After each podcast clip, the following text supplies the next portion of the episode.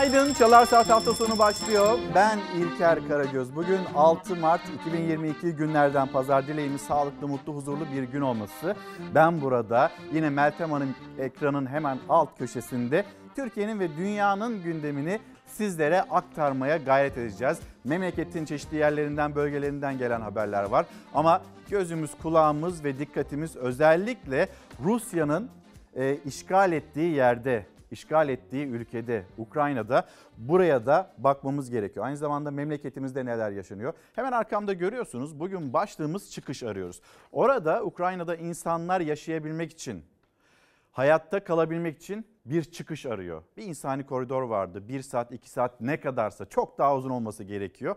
Ve orada ya aslında orada bir savaş bile olmaması gerekiyor. Orada insanların çocukların ölmemesi gerekiyor. Sonra işte bu savaş çıktı. Rusya kendisinde bir tehdit hissetti. Ukrayna'nın topraklarını işgal etti ve orada çocuklar ölüyor. Orada siviller ölüyor ve Batı'ya baktığınızda yine sözler, laflar, işte ne bileyim mühimmat destekleri, yaptırımlar Rusya'ya yönelik. Oradaki tansiyon düşmüyor. Biz şu anda 11. güne girmiş durumdayız. Size az sonra bir gazete, Posta Gazetesi ve o Posta Gazetesi'nin manşetinde ilk sayfasında yer alan bir fotoğrafı göstereceğim. Orada insanlık yaşayabilmek adına bir çıkış arayışında.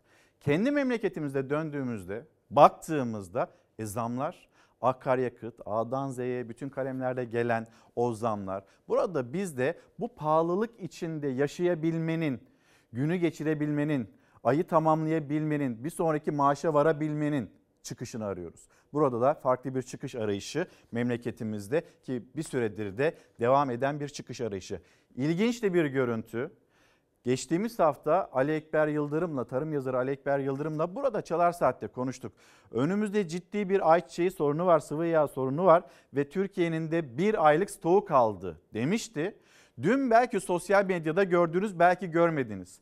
İnanılmaz bir izdiham ve inanılmaz kuyruklar. Burada ne yapmamız gerekiyor? Biz bu sorunu ne kadar yaşayacağız? Başka kalemlerde de bu sorunu yaşayacak mıyız, yaşamayacak mıyız? Yine her hafta sonu artık böyle Ali Ekber abiyle görüşür olduk. Yine Ali Ekber abiyi arayacağız. Ne oluyor diye kendisine soracağız. Un konusunda bir bağımlılığımız var. Yine ayçiçek yağı konusunda bağımlılığımız var. E hadi enerji konusunda tamam. Burada bir bağımlılık var. Ona yapacağımız bir şey yok. Doğalgazımız yok, petrolümüz yok. Ama bizim geniş bir coğrafyamız var. Ayçiçek yağında biz nasıl dışa bağımlı oluyoruz? Bunu bizim konuşmamız gerekiyor.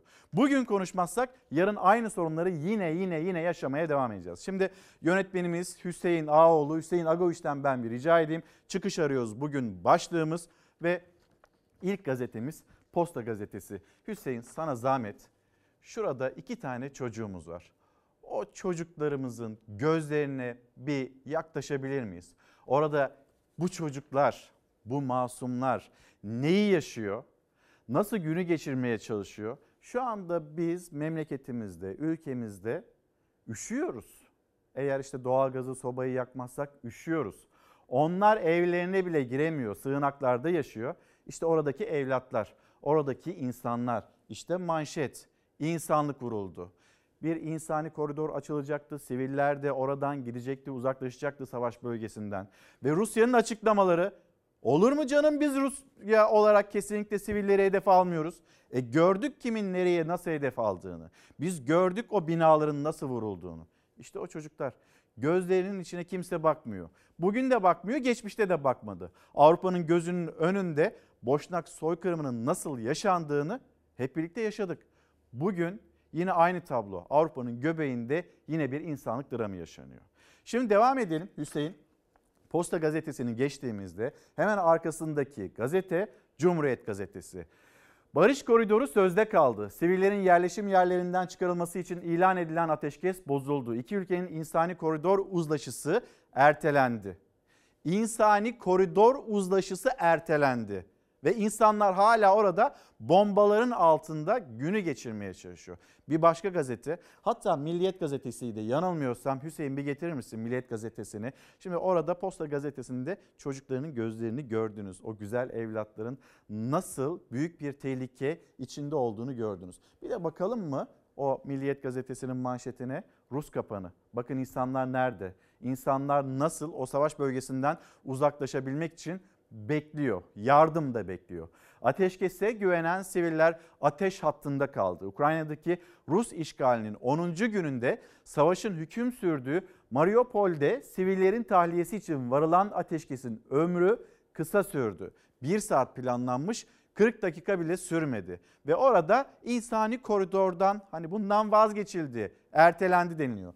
İnsanlar ölüyor ve bugün orada 11. gün Rusya'nın Ukrayna'yı işgal edişinin 11. günü. Okay, okay, okay. Oh,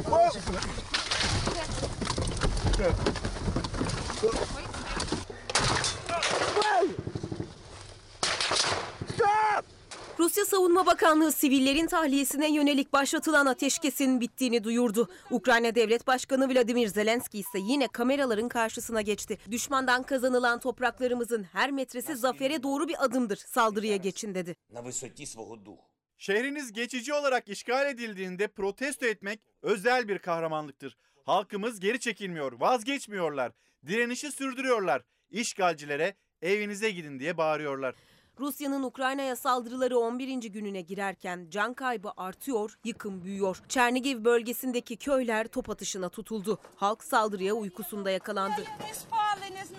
Uyuyordum Ruslar ateş etmeye başladılar. Sonra yangın çıktı. Evimizi iki kere vurdular. Evim tamamen yandı. Bir kibrit gibi alev aldı. Annem ve çocuğumla güçlükle kaçabildik. Çatışmalar kuşatma altındaki başkent Kiev çevresinde şiddetlendi. Ukrayna ordusu tarlalar üzerinde uçan bir Rus helikopterine uçak savar füzesi fırlattı. İsabet alan helikopter saniyeler içinde yere çakıldı.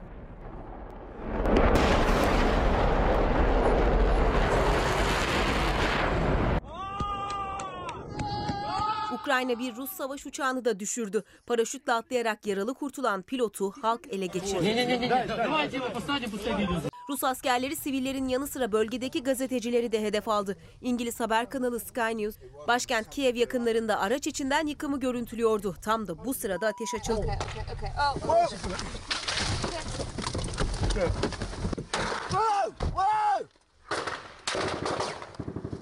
Haber ekibini taşıyan araç dururken gazeteciler koltuğa yatarak kendini korumaya çalıştı. Kayıtta kalan kameraman saldırıyı an be an görüntüledi. journalist!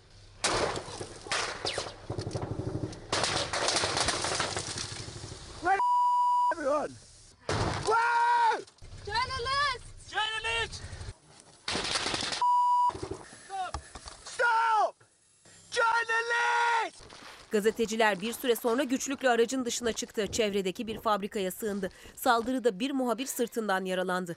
İki kurşun kameramanın çelik yeleğine isabet etti. Ukrayna'ya savaşçılarını gönderen Çeçenistan Devlet Başkanı Kadirov ise Putin'e seslendi. Çeçen birliklerin Kiev'i ele geçirmesi için kendisine yeşil ışık yakmasını istedi. Ukrayna halkı birçok noktada kontrolü sağlayan Rus birliklerini protesto etti. Rus askerleri kalabalığı dağıtmak için sivillere uyarı ateşi açtı.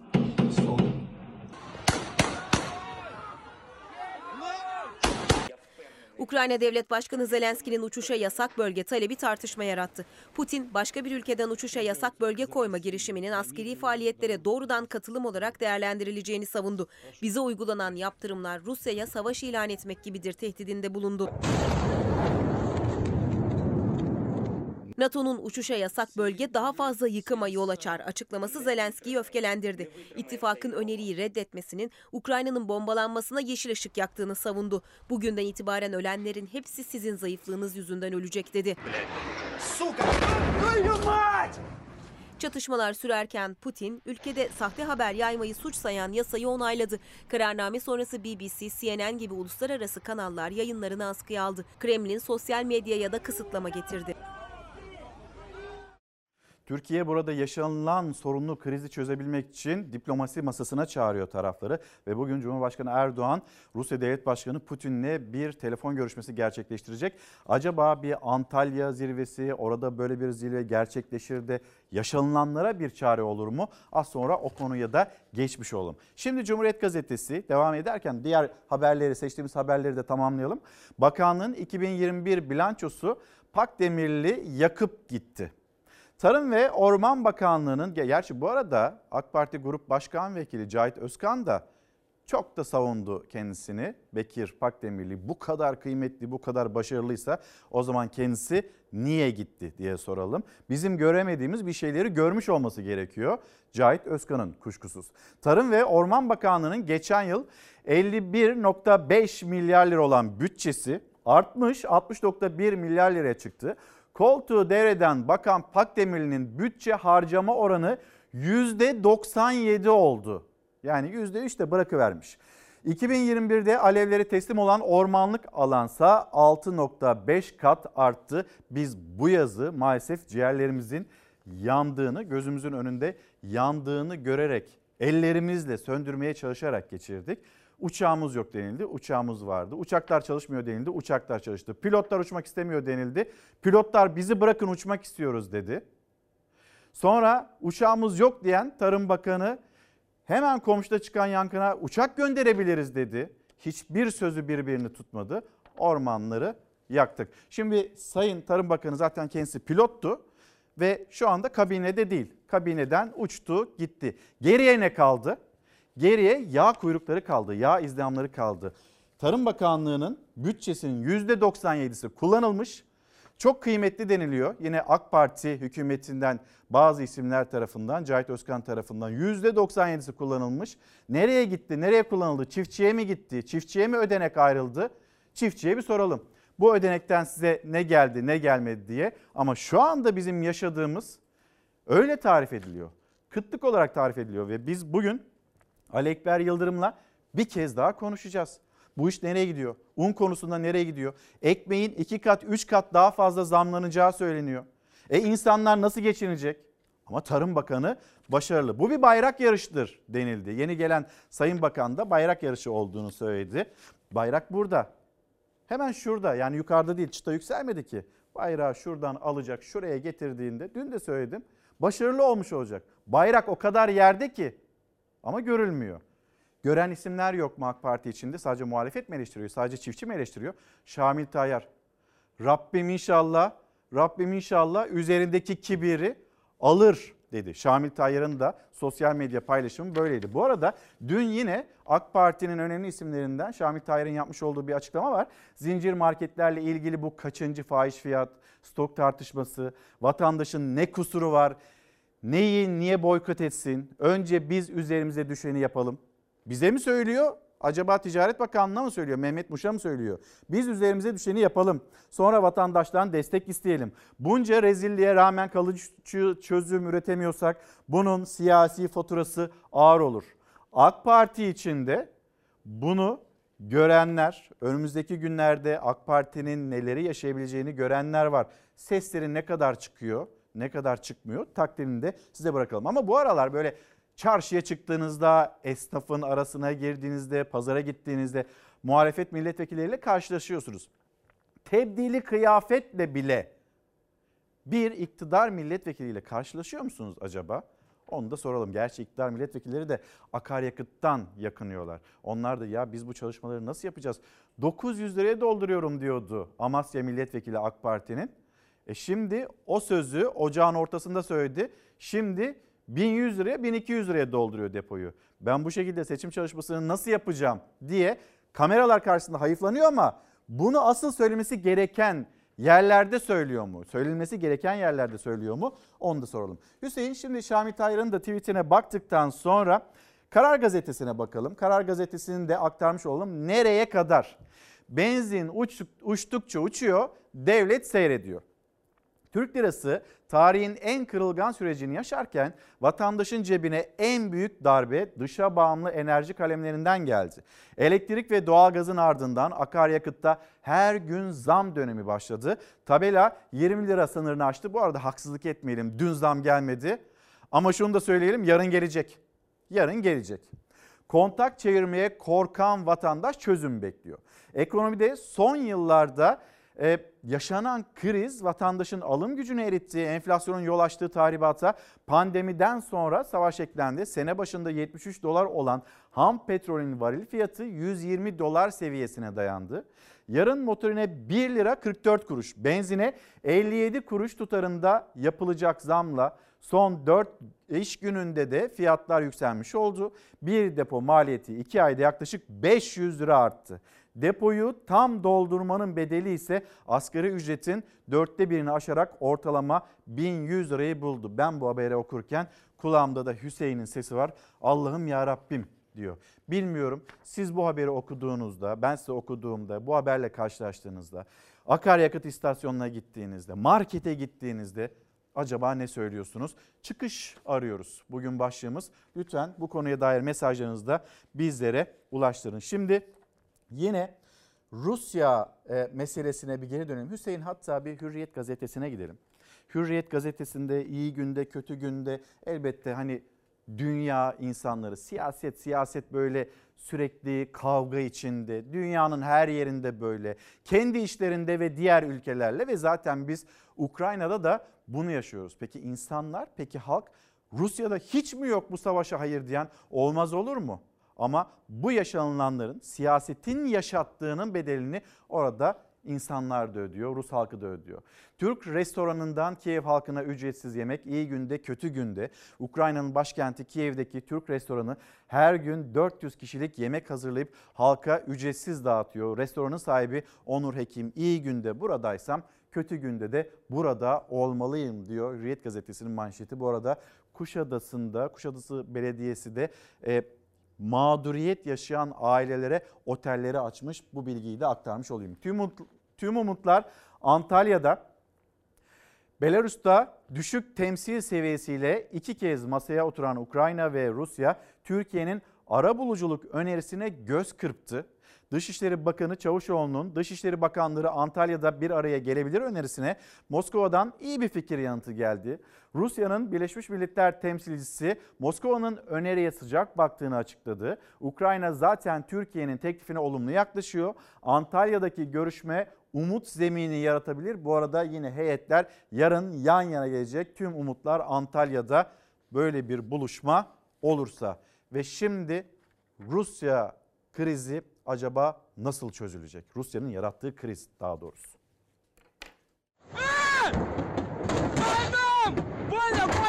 Cumhurbaşkanımızın Zelenski ile bir telefon görüşmesi oldu. Ee, Sayın Putin'le bir görüşmesi olacak. Cumhurbaşkanı Erdoğan Ukrayna'ya Rus işgali başlamadan önce görüşmüştü Putin'le. Cumhurbaşkanlığı sözcüsü İbrahim Kalın, Rusya Devlet Başkanı Putin'le Erdoğan'ın ikinci kez telefonla görüşeceğini açıkladı. Muhalefet iktidarın dış politikasını eleştirdi. Türkiye elinde hiç kullanmadığı S-400'lerle kalıp F-35 gibi 21. yüzyılın en önemli hava teknolojisinden mahrum kalmış. Bütün çabamız da savaş yoluyla değil, müzakere yoluyla ele alınması ve değerlendirilmesi. Burada bizim temel ilkemiz tabii ki Ukrayna'nın toprak bütünlüğü. Rusya şu anda Türkiye'yi ciddiye almaz. Alırsa da sadece taktiksel olarak alır. Savaş öncesinde NATO'nun yaptığı 3 büyük zirveye Türkiye davet edilmedi. Bizim hem Rusya ile hem Ukrayna ile iyi ilişkilerimiz var. Cumhurbaşkanımızın hem Putin'le hem Zelenski ile çok iyi ilişkileri var. İki tarafla da konuşabilen birkaç aktörden birisi Türkiye. Savaşın sonlandırılması yönünde ne katkı yapabiliriz buna odaklanıyoruz. Cumhurbaşkanlığı sözcüsü İbrahim Kalın, Rusya ile diyalog kuran ülkelerden biriyiz. Amacımız savaşın sonlanması derken muhalefet iktidarı tutarsızlıkla suçladı. Cumhurbaşkanının Rusya-Ukrayna krizine ilişkin ilk günlerde kurduğu cümleleri hatırlatarak. Sayın Erdoğan NATO gereğini yapsın diyor. Bir taraftan onu diyeceksiniz, bir taraftan Rusya'ya dönük olarak Ukrayna'yı da kaybetmeyin, Rusya'yı da kaybetmeyin. Daha kararlı bir adım NATO'nun atması gerekirdi. NATO gereğini yapması demek uçuşa yasak bölge ilan edip Rusya'nın Ukrayna hava sahasını kullanamaması anlamına gelecek tedbirler alması ise bu doğrudan NATO-Rusya savaşı demektir. Bunu mu yapsın? Ne yapsın Sayın Erdoğan? Bir yaptırım planımız yok. İki tarafla da konuşabilmeyi sürdürmemiz gerekiyor. Herkes Ruslarla köprüleri attığında Rusya ile kim konuşacak? Bu güven hattının mutlaka açık tutulması e, gerekir. Ankara hem Rusya hem Ukrayna ile teması sürdüreceğiz diyor. Gözler Erdoğan-Putin görüşmesinde. Arzu Hanım günaydınlar Mersin'den günaydın diyor bizlere. Çıkış yolu arıyoruz ama tek çıkış yolu acaba bir erken seçim mi? Siyasetin gündemine geliyor. Sonrasında Cumhur İttifakı tarafından da hayır erken seçim olmayacak deniliyor. Seçimler 2023'te. Hem de işte önümüzde bir siyasi partiler yasası var. Böyle bir düzenleme yapılırsa zaten o yasa çıktıktan bir yıl sonra seçimin olması gerekiyor. Meclise bu düzenleme yasa gelirse ve çıkarsa zaten o aradaki bir yılda seçim olmayacak. Bir yandan muhalefetin de dikkatle takip ettiği konu bu aslında o yasa gelecek mi gelmeyecek mi erken seçim mi o belirleyecek. Çıkış e, arıyoruz sizlerden çokça mesaj geliyor biz bu pahalılık altında nasıl geçineceğiz ne yapacağız çıkış yolu arıyoruz ama bulamıyoruz diyen izleyicilerimiz de var. Yine de umutsuz olmamak gerekiyor.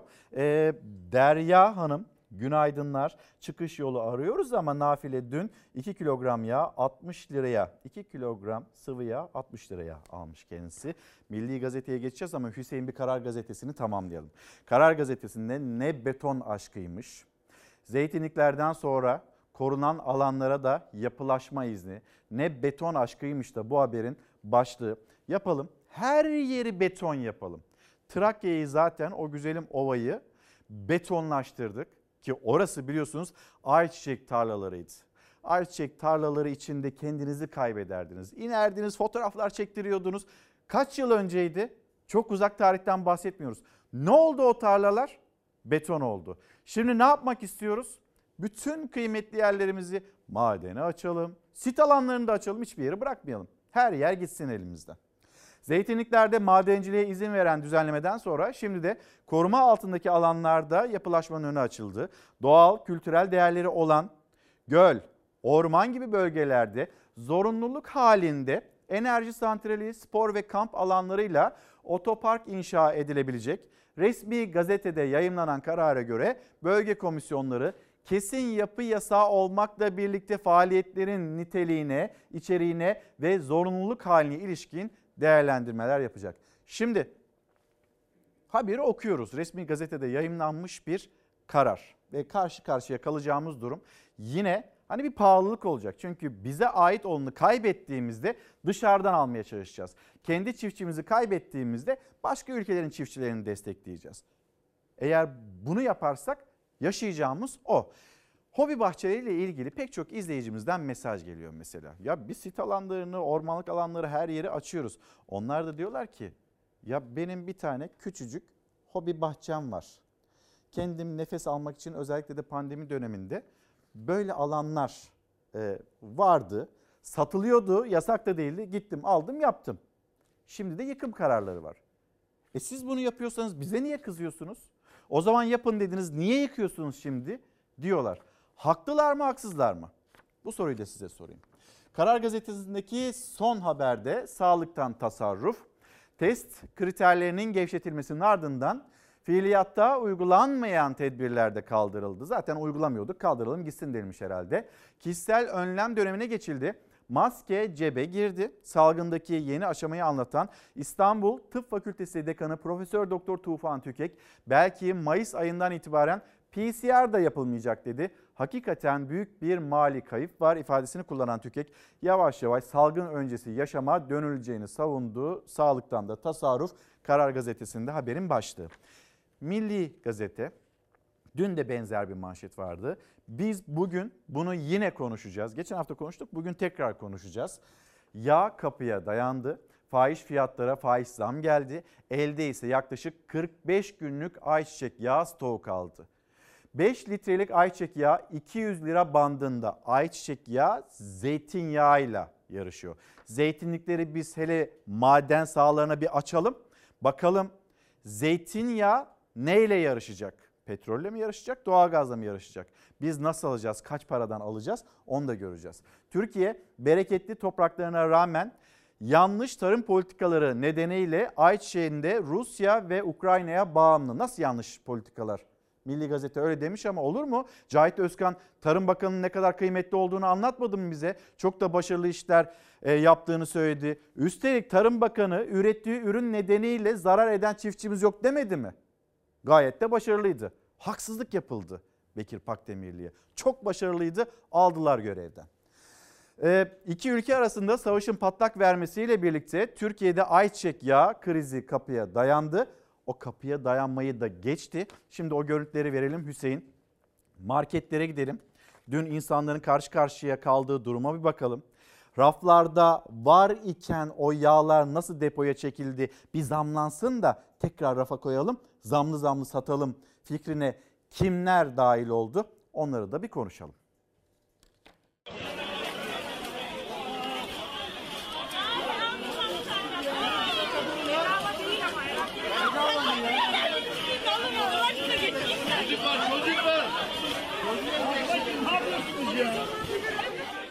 Dörtlü paketlerde her biri 5 litre ayçiçek yağı. Raflarda kalmaz endişesiyle marketlere koştu tüketici. Fiyatı bir günde iki katına çıksa da yağ tenekeleri tükenmeden almak isteyenler izdihama neden oldu.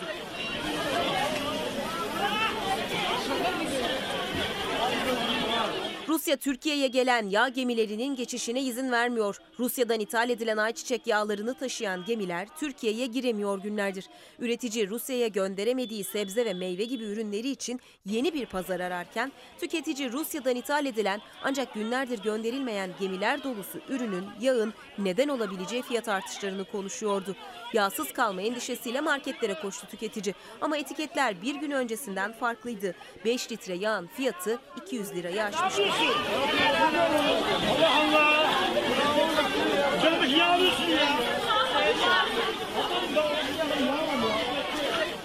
Bir markette kaydedilen bu görüntüde olduğu gibi birden fazla aldı tüketici ayçiçek yağını. Kalabalığın biter endişesiyle girdiği markette izdiham yaşandı.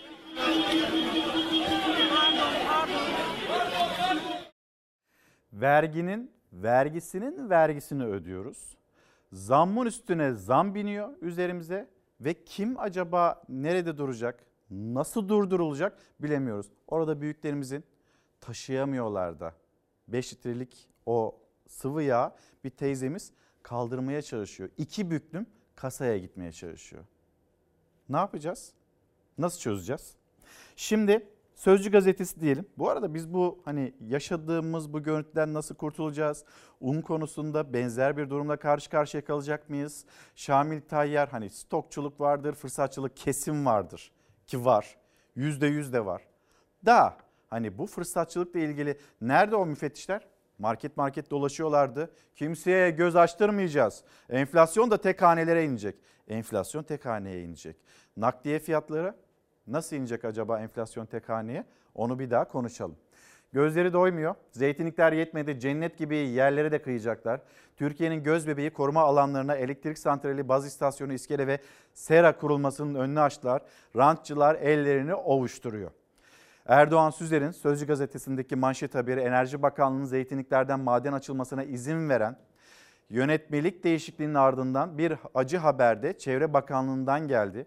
Bakanlık koruma alanları ile ilgili yönetmelikte kritik değişiklikler yaptı.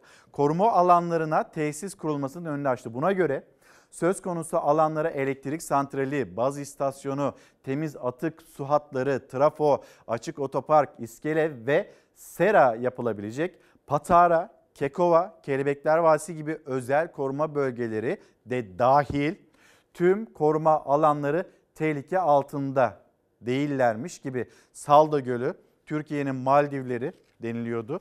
Salda Gölü'nün ne halde olduğunu biliyorsunuz. Ya oraya ayak basmayın denirken otopark yapıldı. Pamukkale travertenlerin yavaş yavaş karardığını görüyoruz. Ihlara Vadisi, Kelebekler Vadisi, Kekova burası burası ülkemizin cennet köşesi. Her şey tıkandığında Turizm Bakanı çıktı açıkladı her şey tıkandığında biz bu cennet yörelerimizden 32 milyar dolarla 50 milyar dolar arasında bir gelir hedefliyoruz ve çok büyük bir kaynak. Doğrudan hazineye giren bir kaynak. E şimdi burayı da yok ettiğimiz elimizde ne kalacak? Zaten bir şey kalmadı toprağımız hiçbir şey kalmadı zaten. Burayı da yok edersek ne yapacağız? Patara. Patara'nın kumları bir yerlere götürüldü, bir yerlere taşındı. Bunu e, gören, bu konuda uyaran bir memur başına ne geldi? Bu kumu nereye götürdünüz diye peşine düşen memurun başına ne geldi? Biz bir yandan cennet yörelerimizi korumaya çalışıyoruz ama ne kadar koruduk zaten bugüne kadar bu 10 yıllar içinde onu da bir düşünelim. Sözcü gazetesi devam ettiğimizde kilo dönemi artık sona erdi. Vatandaş 4 domates 3 soğan alıp gidiyor. Demişti ya AK Partili milletvekili ya dört tane yiyeceğimize iki tane yeriz ama ekonomik bir savaşın içindeyiz ve biz de bu savaştan çıkarız. Domates ise petrol muamelesi yapıyor sayın milletvekili. Domates bizim zaten bizim toprağımıza yetişiyor. Biz niye dört tane yiyoruz? Altı tane üretelim, gönderelim, ihraç edelim, kazanalım, daha fazla kazanalım. Turizmden kazanalım, tarımdan kazanalım. Tekstil unuttuk tekstilden kazanalım. Orada insanlar işsiz kalıyor. Ciddi bir işsizlik yaşıyoruz. Ama bize öneriler çocuğunuzu markete götürmeyin. Götürürseniz canı bir şey çeker, almasın. Aldırmayın. Karnınız tok gidin markete, pahalılıktan uzaklaşın. Birazcık böyle kombiyi kıstığınızda zaten ısınacaksınız. Isınmıyorsanız bile kendinizi yavaş yavaş ısınıyor da hissedebilirsiniz. Üzerinize bir hırka daha alırsanız. Biz bu cümleleri duymak zorunda mıyız? 4 tane domates yerine 2 tane domates yiyiverin. Kendiniz öyle mi yapıyorsunuz peki sayın milletvekilleri? Konu, mevzu sizin maaşınızla ilgili olduğunda sizin maaşlarınız ne kadar artıyor da vatandaşın maaşı ne kadar artıyor? Sizin maaşlarınız meclisten jet hızıyla geçerken asgari ücretli işçiler grev yapıyorlar.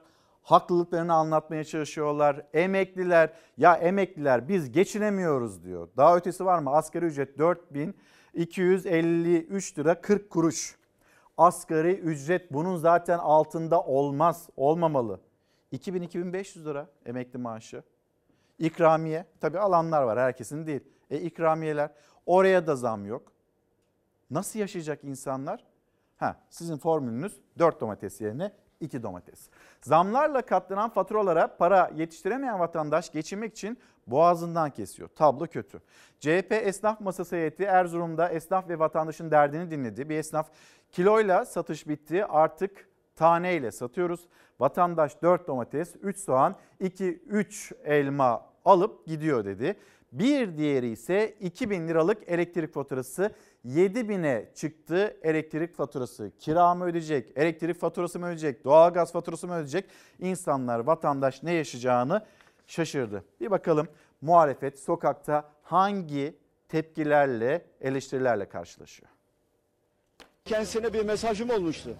Elektrik zamındaki KDV'yi sıfırlasın. 12. ayın 15'inde 300 liraya taktığım ekrana bugün 600 lira fiyat söylüyorum. Adamın geliri iki kat artmadı ki nasıl taktırsın?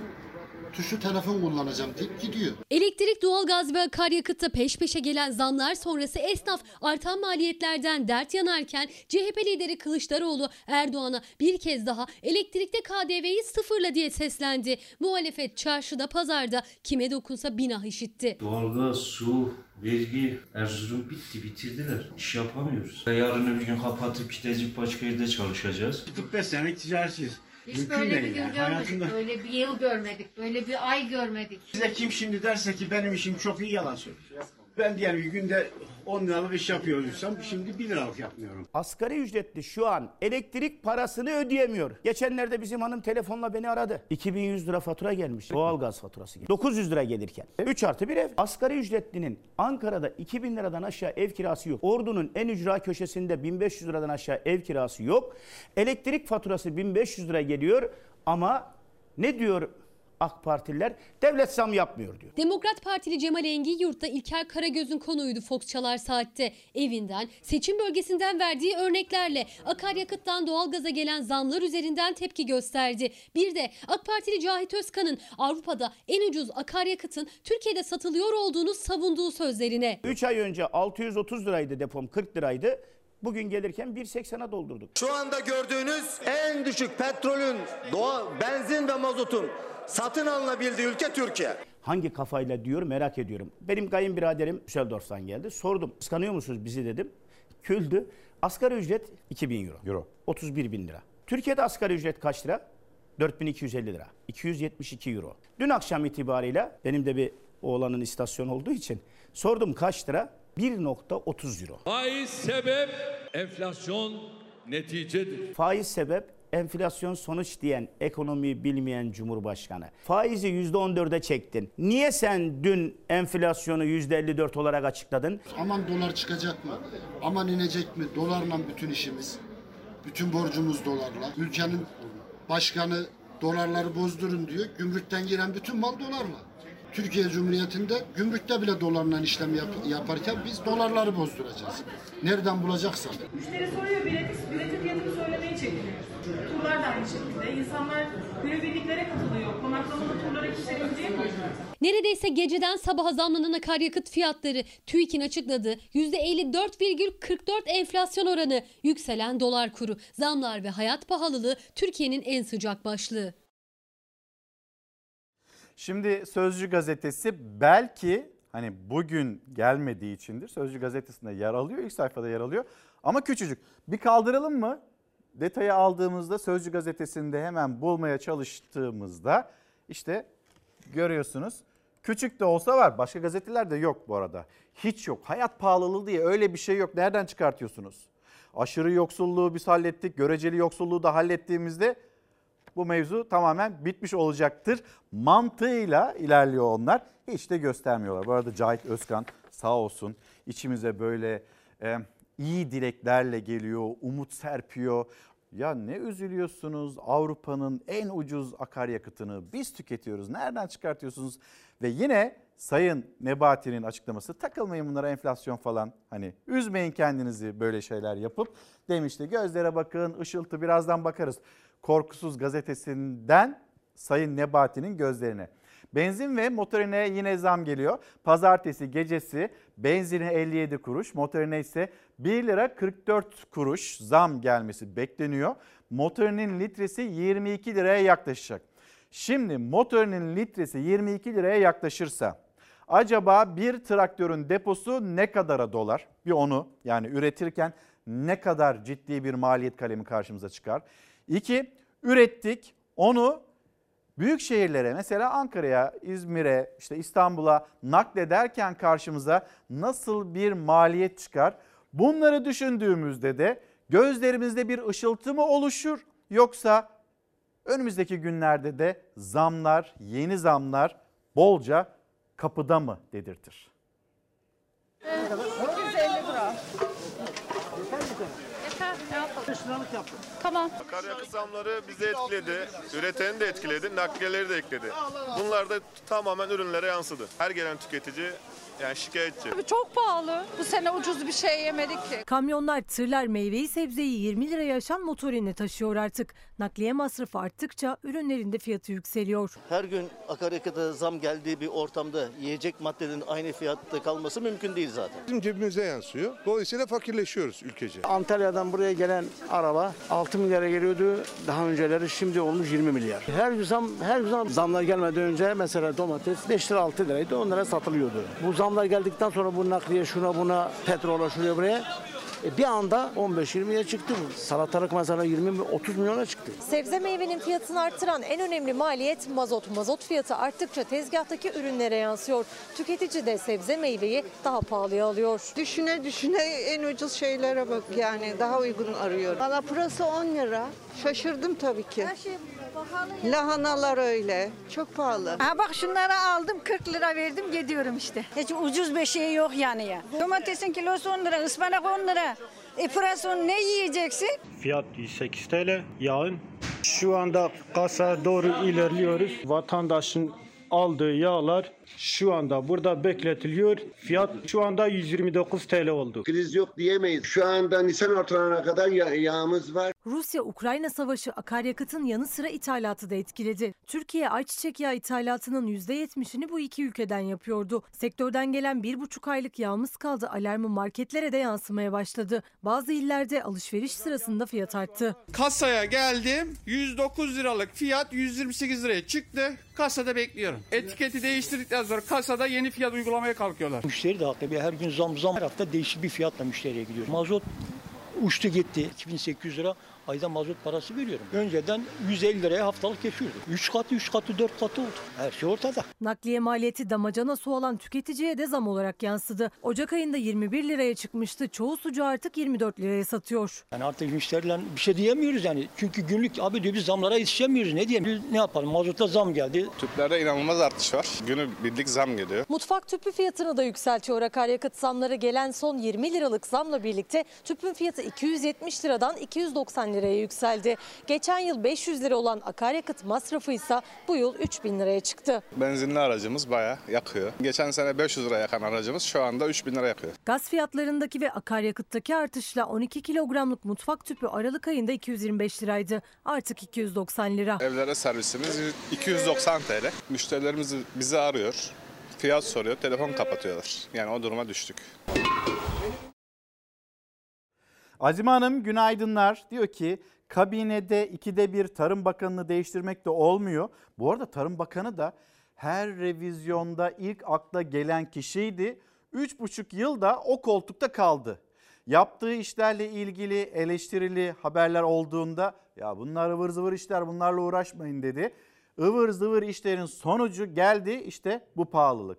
Sonucu geldi işte yağ kuyrukları. Biz bunu yaşıyoruz. Yağ izdihamlarını yaşıyoruz. Azim Hanım da diyor ki ya bakanı değiştirmek de olmuyor. Bence tarım politikasının değişmesi lazım. Çok haklısınız enflasyonla mücadele etmek için bir kere topraktan başlamamız gerekiyor. Hep söylediğimiz gibi. İbrahim Bey günaydın. Bir kez de doğru düzgün yayın yapın. Çift taraflı yayın yapıyorsunuz demiş bize. Valla İbrahim Bey e, size de günaydın öncelikle. E, hani çift taraflı yayın nasıl yaptığımızı ben anlamadım. Hani tek taraflı belki deseniz anlayacağım da hani hem orayı gösteriyorsunuz hem burayı gösteriyorsunuz diyorsanız teşekkür ediyoruz. Sağ olun. Hani doğru bir şey yaptığımızı söylüyorsunuz. Ama doğru düzgün yayın yapın derken de orada mı çelişiyorsunuz? Onu da pek anlayamadım. Yalnız bence Cahit Bey, Cahit Özkan doğru cümleler kursun. Şimdi diyor ki Sayın Özkan hani doğru haber, doğru açıklama hani onun üzerinden beraberce konuşalım. Hem sizinle hem de sizin gibi düşünen belki izleyicilerimiz vardır ya da size itiraz eden izleyicilerimiz vardır. Şimdi şöyle diyor ki Sayın Cahit Özkan en ucuz akaryakıtı biz Avrupa'da biz tüketiyoruz. Öyle mi? Almanya bakalım Almanya'da asgari ücret 1621 euro. Benzinin litre fiyatı 1.82 euro ve alınabilen bu parayla o asgari ücretle alınabilen benzin litre olarak 890 litre alınıyor. Hatta 890.6 bu kadar akaryakıt alabiliyorlar. Almanya'da böyle. Şimdi hadi sizin için 800 olsun ve burada da e, tek yanlı bir yayın yapıyor olalım. İtalya, Fransa, Hollanda'ya. İtalya'ya baktığımızda 884. Fransa'ya baktığımızda 880.7, Hollanda 837.3, Slovenya, İspanya, Litvanya azalıyor azalıyor. Macaristan 420.1. Türkiye'yi söyleyeyim mi ben size İbrahim Bey? 226.5. Tabii gün gün değişiyor. Yarın yarın bir daha hesaplarız isterseniz sizin için çift taraflı yayın yaptığımızı söylediğiniz için de çok teşekkür ederiz. Elbette hem iyiyi hem e, kötüyü göstermemiz gerekiyor. Hedefimiz bu. İyi ile birlikte kötüyü de anlatmamız gerekiyor. Tek taraflı yayın yapmadığımız için biz de öyle görmediğiniz için teşekkür ediyorum. Kastınız budur diye düşünüyorum. Yazdığınız o değil de inşallah öyledir diye de ne bileyim ne diyeceğimi de bilemedim. Şimdi meclise bir gidelim. Türkiye Büyük Millet Meclisi'nde aslında vatandaşın yaşadığı problemler, onların çözülmesi gerekiyor. Ve bir çözüm adresi olarak da görmek istediğimiz adres ama gördüğümüz görüntüler kavga, itişme, yumruk.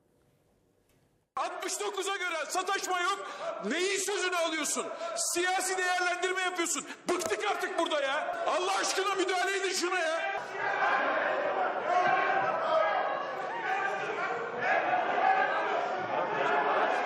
Mecliste sözlü başlayan kavga yumruklaşmaya kadar uzandı. MHP'li vekillerle CHP'li vekiller birbirinin üzerine yürüdü. Karşılıklı sert sözlerle başlayan tartışmada yumruklar havada uçuştu.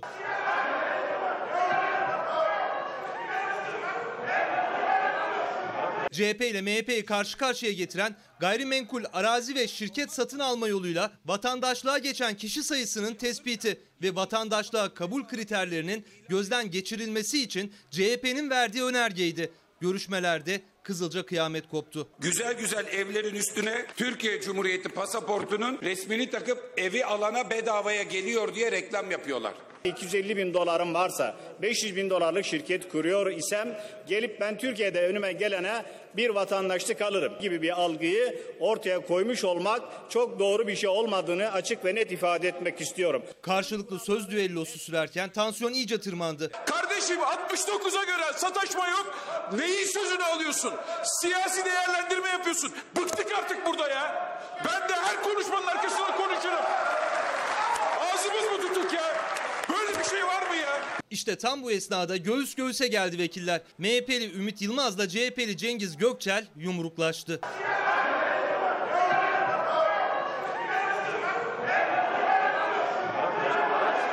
Birleşime 5 dakika ara veriyorum. Yaşanan kavga üzerine birleşime ara verildi. Sonrasında yapılan CHP'nin grup önerisinin oylaması kabul edilmedi. Serkan Bey günaydın.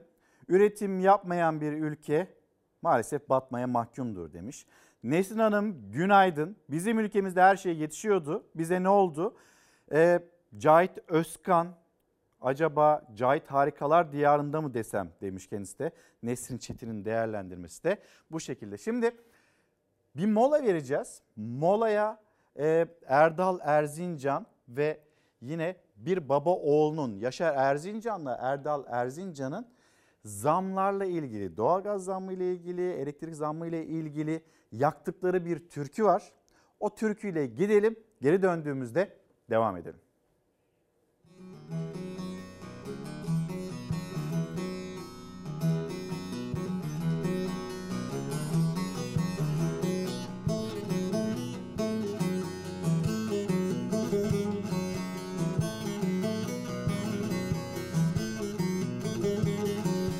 Sehmerde kara kışta üşüdüm da da şüşüdüm Titriyorum damda daşta üşüdüm da da şüşüdüm Titriyorum damda daşta üşüdüm da da şüşüdüm Üşüdüm ana üşüdüm.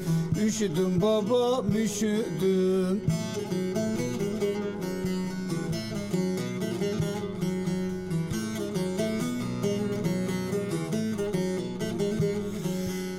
Elektrik can yakıyor, zamlar belimi büküyor? Doğal gaza güç yetmiyor, üşüdüm da da şüşüdüm. Doğal gaza güç yetmiyor, üşüdüm da da şüşüdüm. Üşüdüm anam üşüdüm, üşüdüm babam üşüdüm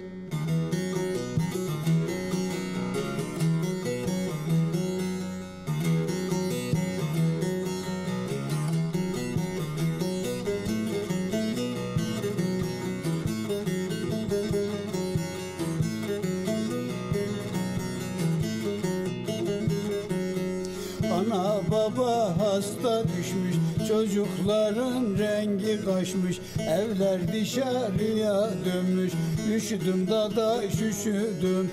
Üşüdüm anam üşüdüm. Üşüdüm babam üşüdüm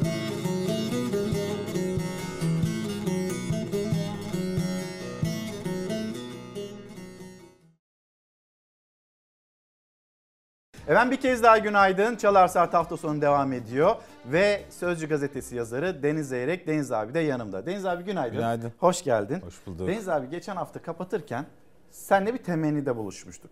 Evet. Ve bulunmuştuk. Ve demiştik ki ya işte inşallah, inşallah önümüzdeki hafta biz Ukrayna'dan, orada yaşanılan insanlık dramından söz etmeyiz. Ama bugün 11. gün. Hala devam ediyor. Ee, sen de duygusalsındır. Bir haber izlettireceğim. Onun ardında hani siyaset liderler ne yapıyor ne ediyor ona bakmadan takılmadan. Çok çarpıcı görüntüler var. Bir izlettireyim. Ondan sonra senin de görüşlerini Tamam. alayım. Buyurun. Buğulu bir tren camına çizilen bu kalbin içinde birleşti baba ve evlatlarının eli. Savaşın parçaladığı ailelerden sadece biriydi onlar. Vedaları soğuk bir camdaki bu son dokunuş oldu. Çocuklarını umuda uğurlarken dimdik durmaya çalışan o baba daha trenin hareket ettiği ilk anda büyük bir özlemle baktı arkalarından. Kendi gibi geride kalan onlarca babayla beraber. Rusya ile Ukrayna heyetleri yaptıkları ikinci görüşmede Mariupol ve Volnovaka'da 5 saat sürecek ateşkes ve sivillerin tahliyesi konusunda uzlaşmıştı. İki bölgeden 200 binden fazla sivil tahliye edilecekti. Ancak Mariupol'de ateşkes başlamadan bitti. Ukrayna tarafından yapılan açıklamaya göre Rus askerleri ateşkes kararına uymadı. Kiev ve Lviv'deki istasyonlara kendi imkanlarıyla gelen sivillerse trenlere ulaşabilmek için saatlerce kuyrukta bekledi. Merdivenlerde, peronlarda adım atacak yer kalmadı. Anne kucağındaki bebeklerden yaşlılara, yaralılara kadar binlerce kişi trende yer bulmak için mücadele etti. Help me. Help me. Ülkemize gelen herkese merhaba diyorum piyanomla. Polonya'da böyle karşılandı sınırı geçmeyi başaran Ukraynalılar. Almanya'daysa mültecileri evlerinde misafir etmek isteyen gönüllüler karşıladı. Ellerinde kaç kişiye yardımcı olabileceklerini gösteren yazılar vardı. Berlin'deki bu Ukraynalı kızın aklıysa geride kalan ailesindeydi. Korkuyorum, evet korkuyorum çünkü benim annem ve babam Odessa'da savaşın içindeler. Bu kalabalık trenlere binmek bir yana bulunduğu yerden dışarı adım atamayacak durumda olanlar da var. Özellikle de sığınaklarda doğum yapmak zorunda kalan kadınlar ve daha gözlerini bile açamayan kundaktaki bebekleri çaresizce bekliyorlar.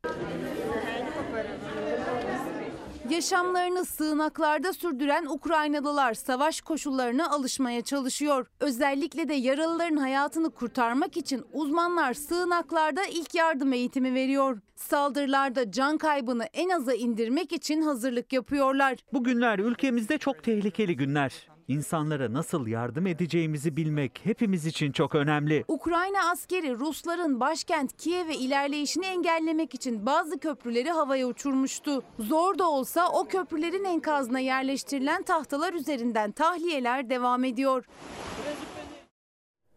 Deniz abi şöyle azıcık terasa çıkıyorsun. 3 dakika duramıyorsun.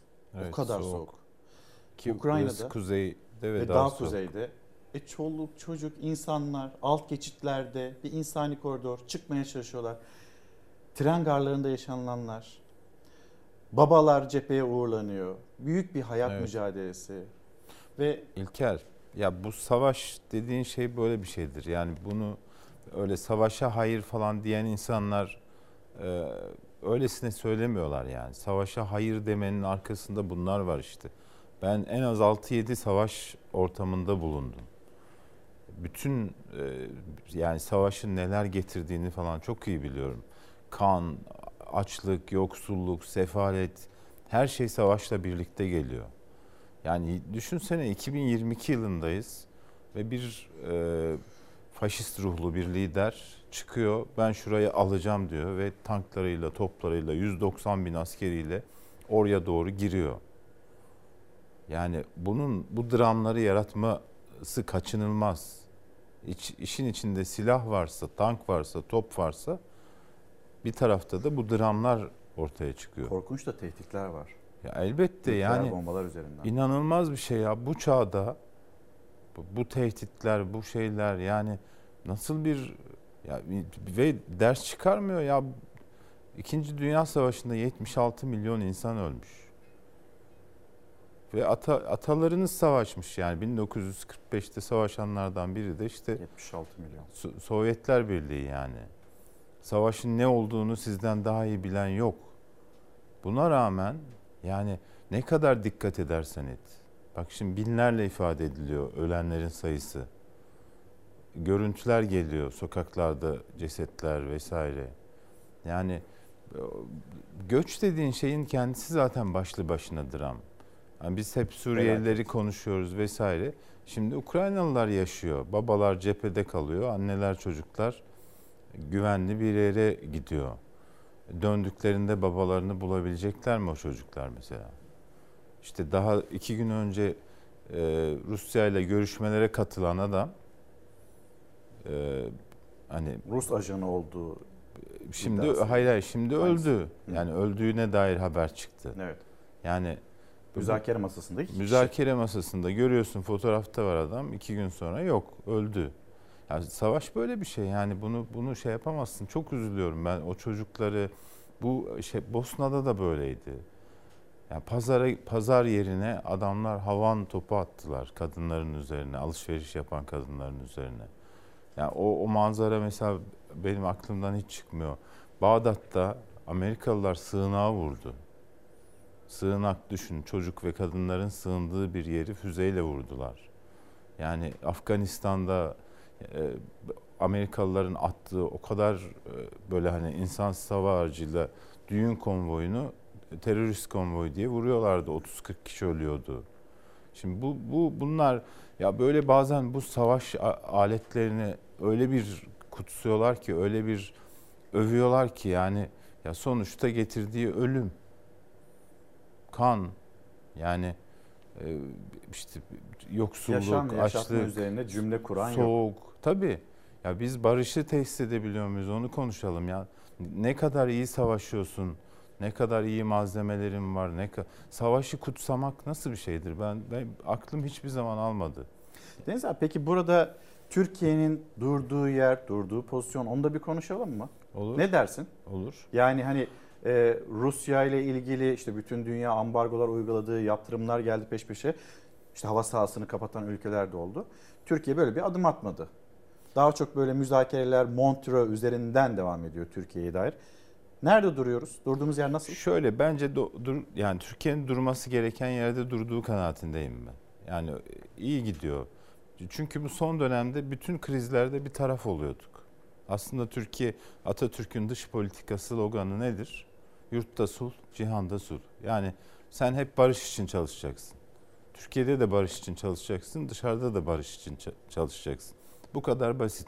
Şimdi Ukrayna'nın tarafı olsan Rusya ile karşı karşıya geleceksin. Rusya'nın tarafı olsan Ukrayna ile karşı karşıya geleceksin. Halbuki ikisi de Türkiye'nin ilişkisi olan, Türkiye'nin çıkarları olan ülkeler.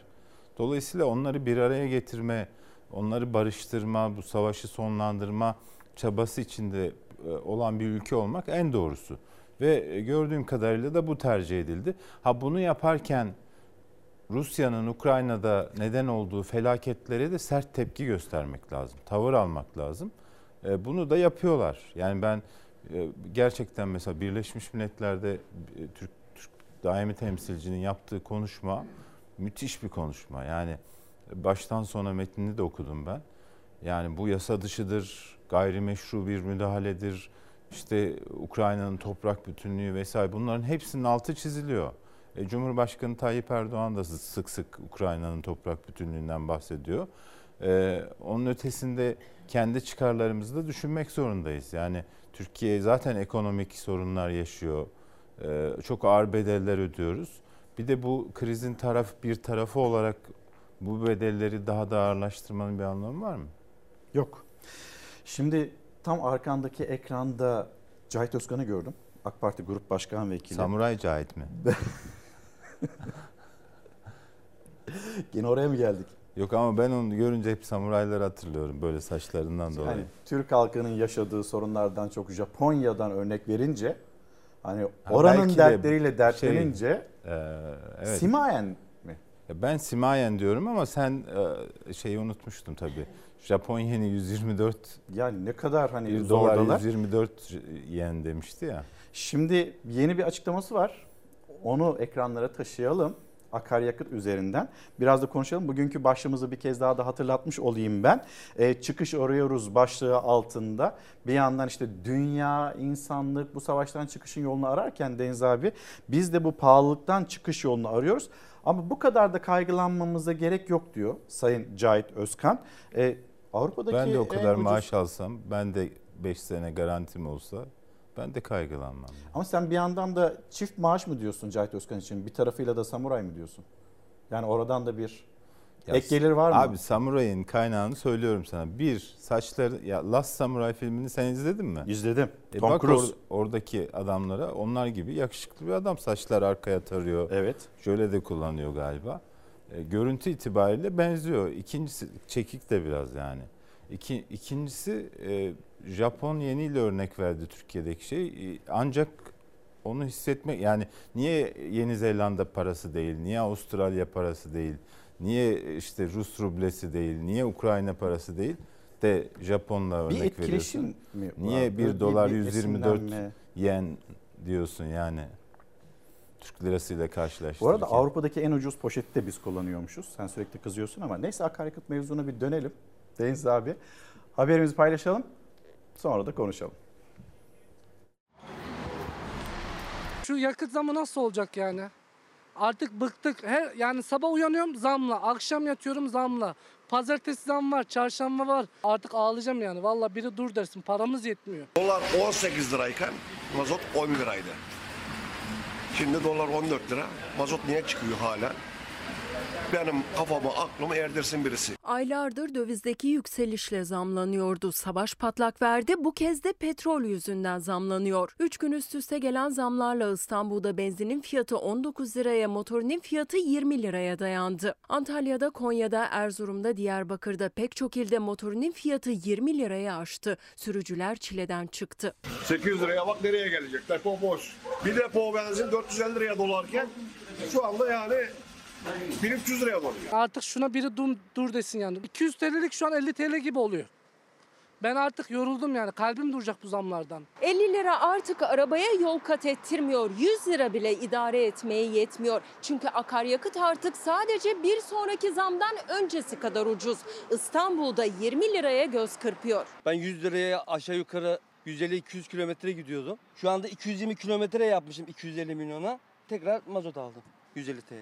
50 liraya sadece 2 litre benzin alınabiliyor. Depoyu doldurmaksa çoğu sürücü için hayal artık. Şimdi karttan eksiden 200 liralık çekeceğim. Eksiden çekeceğim. Vallahi kardeşim biz bunun işe, işin içinden çıkabilecek durumda değiliz. Cepte 200 lira zor bulunuyor ama bu sefer de tüm depoyu doldurmak için cüzdanda ya da kredi kartında 1000 liradan fazla para olması gerekiyor. Dizel bir aracın deposu geçen yıl ortalama 366 liraya doluyordu. Artık depoyu doldurmak 1088 lira. Motorine bir yılda gelen zam %197. Dünkü gelen zamla depoda bir depoda 180 lira oynadı bende. Bir gecede 180 lira. Bazen böyle arabayı park edip trenle, Marmara'yla toplu ulaşımdan gidiyoruz. Böyle tasarruf ediyoruz. Neyle geliyorsunuz? Marmaray. Araba nerede? Arabaya gitmeme gerek yok ki. Araba işte çalıştırması bile para artık. Zam da gelse alt almıyorum. Çünkü her gün zam geliyor. 380 liraya doldurdum arabamı. E şimdi 1000 liraya geçiyor benim dolduracağım depo. 6 ayda bu kadar fark etmiş ya. Ya çok korkunç bir şey ya bu. Akaryakıt zamları sürücülerin çoğunu toplu taşımaya yönlendirdi. İETT'den de KDV ve ÖTV'yi sıfırlayın çağrısı geldi. Çünkü toplu taşımada da maliyet katlandı. En azından her litrede 5 liraya aşan verginin alınmamasını istiyor toplu ulaşım temsilcileri. Akaryakıt zamları nedeniyle aracını satan bile var. Ne iş yapıyorsunuz? Tekstil ihracat. Kendi özel aracınız var mı? Vardı sattım. Görüyorsun durumu. Akaryakıt, vergi. Deniz abi şimdi diyor ki Öznur sanıyorum Deniz abi Cahit Özkan'ı kıskanıyor. Tabii. Tıpkı Almanların Türkiye'yi kıskandığı gibi. Aynı şey değil ama kıskanıyorum. yani keşke ben Almanlar gibi olsam, Cahit Özkan da Türkiye'deki durum gibi olsa yani zenginlik bakımından. Ee, o başka bir şey ama e, Cahit Özkan adam milletvekili, genç, yakışıklı, samuray gibi. Karizmatik. Yani, tabii tabii yani bir de böyle iyimser yani ben olamıyorum. Ben 1 Şubat'ta benzin deposunu doldurdum 700 lira. Dün doldurdum 980 lira. Of. Yani 40 günde 280 lira zam gelmiş. 280. Geldiğimiz yer yine araba nerede? Araba yok. Araba Hani yok. o- Oraya arabayı evde Yani bırak. şimdi niye kıskanmayayım ben, ben Cahit Özkan'ı? Adam hiç umurunda bile değil yani. Bu artışlar falan ona Ruh dokun- halini belki daha çok böyle hani dünyaya. Ya sadece ruh hali değil. Bu pahalılık ona dokunmuyor ama bana dokunuyor. Ali Ekber abi de bizi bekliyor. Ali Ekber abi günaydın. Ee, geçen hafta bu yağ konusunu konuşmuştuk seninle. Bu başlığa geçmeden önce bir akaryakıt meselemiz var. Yine geçen hafta sordum Ali Ekber abi e, sen akaryakıt aldın mı gidebildin mi demiştim. Bu haftaki zamdan önce o akaryakıtı alabildin mi? Öyle başlayalım. Evet. İyi pazarlar dil- diliyorum hem e, sana hem Deniz Bey'e. E, tabii e, akaryakıt almadım çünkü zamdan sonra almıştım. Biraz önce haberde de vardı hani sabah da alsan akşam zam geliyor, akşam alsan sabah abi hangi, geliyor. Hani ne zaman hangi aldığın- zamda? Şu her gün zam geliyor. İlker yani sonuçta akaryakıtı evet Deniz Bey e, yani şey arası iki zam arası akaryakıt alıyoruz biz. Ama şanslısınız. Mesela bugün alırsanız yarınkinden daha ucuz alıyorsunuz. O kesin evet. Yani- Sürekli bir ben alım genellikle fırsatı veriyorlar. Evet. Yani korkma Ben- merak etme biz sana bir zam daha önce şans vereceğiz. Şans vereceğiz. Ya Allah razı olsun. Kendini şanslı Alekber hissediyor. abi yine de kendimizi şanslı hissedebiliriz.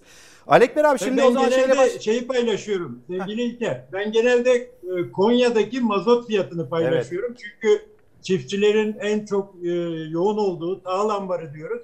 Şu anda 20 lira 5 kuruş oldu. Yani e, 2021'in başında bu 6 lira seviyesindeydi. Düşünün 3 kat arttı sadece mazot parası. O zaman Ali Ekber abi tek haneli enflasyonu çok yaklaştık. Öyle mi? evet. Yani 2023 az kaldı. Eyvah. Tek haneli derken neyi kastediyorsun? Şimdi hedef o tek haneli enflasyon. E şimdi bu pahalılıkla sürekli zam yaparak şimdi tam olarak Ha. ekonomi modellerini karıştırdığımız için Evet. neydi o heterodoks Otor- muydu ortodoks, muydu bir ortodoks şeydi. değil, heterodoks. Ha, gözlerimizdeki ışıkla mı ışıltıyla mı yaklaşıyoruz o tek haneye? Ne dersin Ali Ekber abi? E oradan da orada da bir e, sıfır atma operasyonu yapılırsa tek haneye düşebiliriz. Doğru diyorsun. Ali Ekber abi şimdi tekrar konuşalım mı bu akaryakıt zammı ve bu pahalılık nereye gider? Sonra şu sıvı yağ meselesine gelmek istiyoruz. Deniz abinin de sana sormak istediği sorular da var. Bir Tabii ki. özet geçelim. Enflasyon nasıl düşer? Şimdi enflasyonun e, işte daha önce de çok konuştuk. Çok. E, Yapılan e, çalışmalar hep etiket üzerinden yapılıyor. Yani markete işte şeye bakarak, pazara bakarak ya bu fiyatlar çok yüksek. Bunu düşürmemiz lazım. Bunun için ne yapalım? İşte polisiye tedbirler, depo baskınları, en son KDV indirimi biliyorsun, tanzim satış çadırları e, böyle 16 madde saymıştım ben daha önce de.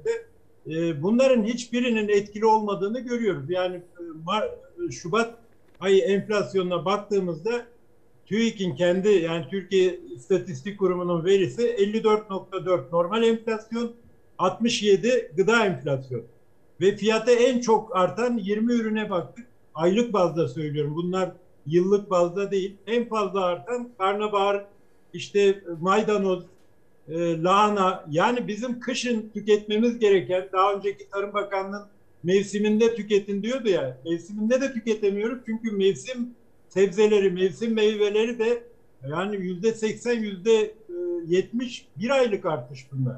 Ya ben artık enflasyonu paylaşırken aman dikkat bunlar yıllık değil e, aylık enflasyon verileri diye söylüyorum. Çünkü gerçekten çok yükseldi ve e, üreti yani şeyden de öte fiyat artışından da öte artık ürüne ulaşmak da zorlaştı. Yani biz hep şeyi konuşuyoruz.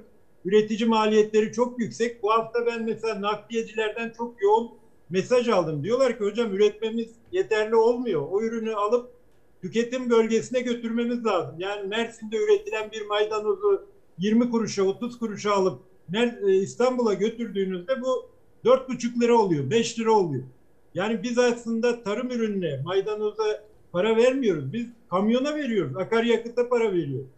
Buradaki en önemli nokta bu. Bizim mutlaka tarlaya dönmemiz lazım, üretime dönmemiz lazım, maliyetleri düşürecek, e, tarladan sofraya kadar olan sürecin her aşamasında. Yani sadece üretimde de değil. İşte o ürünün taşınması, o ürünün e, rafa konulması, bunun gibi maliyetleri düşürmemiz lazım. Aksi takdirde e, gıda enflasyonuyla mücadele edemeyiz ve temel politika üretim olmalı. Bak bu hafta yine bir sürü karar alındı. İşte bütün yağlarda gümrük vergileri sıfırlandı.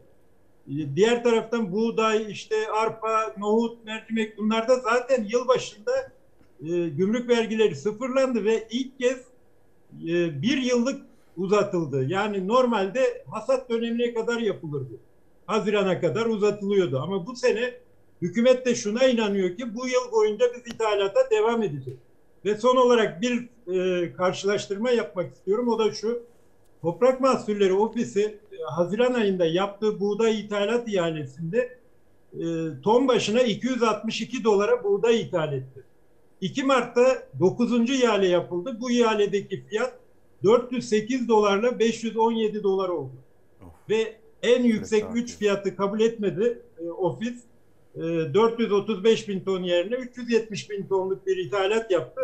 Ortalama fiyat 430 dolar. Yani Haziran'da 262 dolara aldığınız buğdayı bugün 430 dolara alıyorsunuz. Yani bu bile ithalatın ne kadar büyük bir faturaya mal olduğunu gösteriyor zaten. Şimdi bizim karşımıza hangi kalemlerde hangi pahalılıklar çıkacak onu da konuşalım ama Deniz abi bu arada... Kilosu 6.1 lira bu e, şey. Evet. Yani en Buğday. ucuz, en ucuz fiyat 6.1 lira. Müthiş bir rakam. Ee, Ali Ekber abi hem Deniz buğday, abi buğday da benzin ama gibi, mazot gibi artıyor yani. Yastık altından buğday çıkacak. Evet evet çok kıymetli. Bir de bulunmuyor biliyor musun? Ben bizim Kars'taki belediyeden biliyorum. e, insanlara tohumluk buğday arıyorlar şu anda harıl harıl. Yani bu tohumluk buğday yok. Yani en tehlikelisi o tohumu toprakla buluşturamamak. Öyle değil mi e, Ekber abi? Yani bizim bizim toprağımız mı yok? Bizim çiftçimiz mi yok? Bizim köylümüz mü yok? Bu yani nasıl bir kıtlıktır? Tohum bulamıyorlar Anadolu'da. E, tohum bula- bulamıyorlar. Zaten bir yandan da yani Kars'ta mesela Erzurum'da işte Erzincan'da yani daha soğuk memleketlerde baharda buğday ekimi yapabilirsiniz. Ama İç Anadolu'da, Güneydoğu'da işte e, Marmara'da, Trakya'da e, bu buğday ekimi sonbaharda yapılıyor. Tabii Ekim ayında. Yani şu anda biz evet biz istesek bile şu anda Konya'da yeni buğday ekimi yapamayız artık. Ayçiçeği peki? bunu Ayçiçeğini Kars'ta miyiz? yapabiliriz. Bunu Kars'ta yapabiliriz. Bunu e, şeyde yapabiliriz buğday ekimi. Erzurum'da baharlık ekim olarak yapabiliriz ama onlar da tohum bulamamaktadır. Tabii tabii şimdi Çünkü bahar yani benim söylediğim değerli. benim söylediğim zaten bi- bizde bu ay yani Nisan'dan itibaren ekim yapılıyor. Tabii. Ee, ve şu anda tohum yok. İnsanlar tohum E arıyor. çünkü çok değerli. Çok değerli. 6 lira olunca Kıymetli- kilosu hani Bakan da gitti. bulmak zor. Affını istedi gitti. Ali Ekber abi sana da sormak istiyorum. Deniz abiye de sorayım bu soruyu. Sayın Bakan affedin dedi gitti. Ya da hani affe, sen aslında affını istedin mi denildi. Yok yok ben öğrendim onu. Perşembe günü saat 18.30'da telefon etmişler. Sayın Bakan artık sizinle çalışmak istemiyoruz diye. Saat 8'e kadar da istifa dilekçenizi, af dilekçenizi... Kovuldum yani. Tabii tabii. Yani 18.30'da... İşten çıkarıldı. Ne, der, ne dersen de yani biz kovul... Ama af değil. Yani affedin beni ben hani gideyim. Ya bu bu Cumhurbaşkanlığı makamını böyle yüceltmek için kullanılan bir terminoloji. Yani Cumhurbaşkanı kabul ederse ancak bırakabilir. Kendisi bırakamaz gibi bir şey bu. Yani istifa tek taraflı bir beyandır, irade beyanıdır. İlker ben istifa ediyorum artık gelmeyeceğim dediğim zaman beni bağlasan da burada durmam yani. Ama e, sana bağlarsam İlker beni affet. Sen de hayır kardeşim burada duracaksın sonuna kadar. Olur mu dersen- canım senin hizmetlerin var daha yapacağın Ha. şeyler var. Değil mi? Tabii yani Ama bir açık kapısı bu, bu var ne yani. seni yüceltmek için af e, talep etme diye anlatılıyor. Yani ben istifa etsem istifa eder çeker giderim. Yani bu kendilerini de böyle şey yapıyorlar biliyor musun? Yani gülünç duruma düşürüyorlar. Ali Ekber abiye sorayım. Çiftçinin yanında mesela Sayın Tarım, Tarım Bakanı, eski Tarım Bakanı e, affını istedi gitti. Çiftçi affetti mi mesela Tarım Bakanı? Millet affeder mi mesela? Valla dün Deniz Bey çok güzel yazmıştı. Millet affetsin diye. Ee, hani ben 25-26 yıldır tarım yazıyorum. Gerçekten bir tarım bakanlığına hiç bu kadar tepki olmamıştı. Ee, çünkü e, en sıkıntılı dönem, en çok e, çiftçinin üretimden uzaklaştığı dönem, ithalatın en fazla arttığı dönem. Yani Cumhuriyet tarihinin en kötü dönemini yaşadık diyebiliriz. Ee, bu tabii e, Cumhurbaşkanlığı hükümet sisteminden de kaynaklanıyor. Yani biliyorsunuz daha bakanlık e, görevi verilirken Bekir Pakdemirli yaklaşık 3 ay 4 ay katıldığı her televizyon programında şunu söyledi.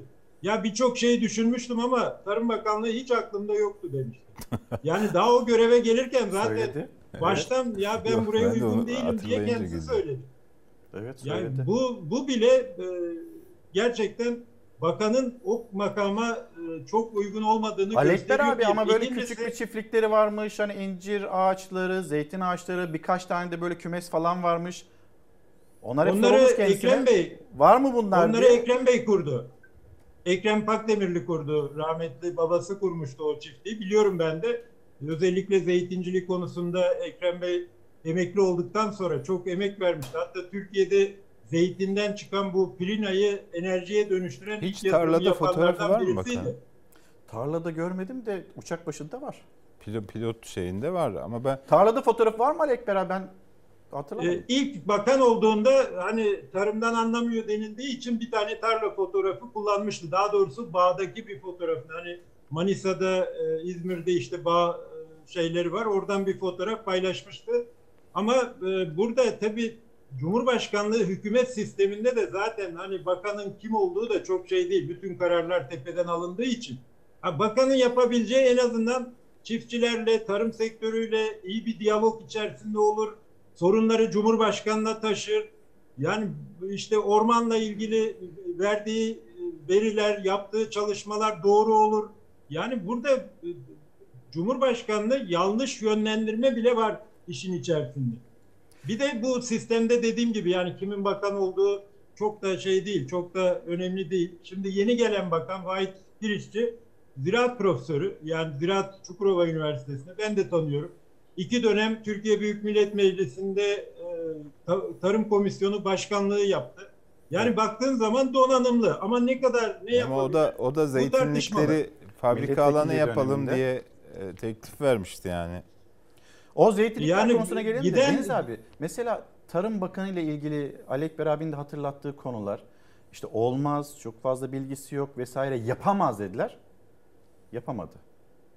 Olmaz. Ama işte Alekber abi doğru söylüyor. Her şey karar mekanizması bakan olmayınca bunun bir önemi olmuyor. Yapar mı yapmaz mı falan. Ben normal bir ülkede yaşasak siyaset normal koşullar altında işlese bana deseler ki mesela siyasete gir, milletvekili ol, bakan ol, neyi tercih edersin diye sorsalar Tarım Bakanlığı'dır. Yani halkla, köylüyle, çiftçiyle iç içe olabileceğin. Yol açar bir de. Tabii tabii siyaseten de Demirel gibi biri olursun yani. E, tarla, Başarılı olursan. Tar, tarlalarda dolaşırsan işte çiftçiyi, e, köylüyü büyütürsen, insanları doğduğu yerde doyurabilirsen müthiş bir başarı yakalarsın. Yani köy köy kavramını bitirdiler ya. Her tarafa böyle toki, beton, meton. Yani millet apa, köye apartman yapmışlar ya İlker. Bütün Anadolu'da görüyorum ben. Köy köyde apartman mı olur ya? Bunu bir şeymiş gibi göstermişler. Yani apartmanda yaşa, zenginleş, zenginleşme göstergesi Alek olarak. Berabi'nin o kitabında da var. Üretme Tüket kitabında da vardı o işte. Tabii tabii. Burada konuştuk ya köylerde kurulan marketler, satılan yoğurtlar, sütler. Tabii köyde... ya sen köyde yumurtayı ve sütü gidip market, zincir market bayisinden alıyorsan köy bitmiştir demek. Ya Atatürk boşuna mı demiş köylü milletin efendisidir diye köylüyü bitirirsen, köylüyü kentlere sürersen işte sonu bu oluyor. Alekber abi şimdi bir ayçiçek yağı meselesine gelelim mi? Geçen hafta konuştuk ve geçen evet. hafta da şunu söyledin. İlker dedin bir aylık stoğumuz kaldı. Sen şimdi bunu söylerken bir yandan da Tarım Bakanlığı'ndan bir açıklama geldi. Vahit Kirişçi'nin yeni Tarım Bakanı'nın ilk açıklaması ayçiçek yağı ile ilgili ve diyor ki e, ayçiçek yağı işte stoklarda var yok bu tartışmalarla ilgili olarak bunlar asılsız iddialardır itibar etmeyin. Şimdi haberimizi bir izleyelim. İnsanlar marketlere gittiği bir izdiham oluştu ve o izdiham sonrasında şunu sorayım tekrar. Gerçekten bizim stoğumuzda ne kadar kaç günlük ayçiçek yağı var? Önce haberimiz.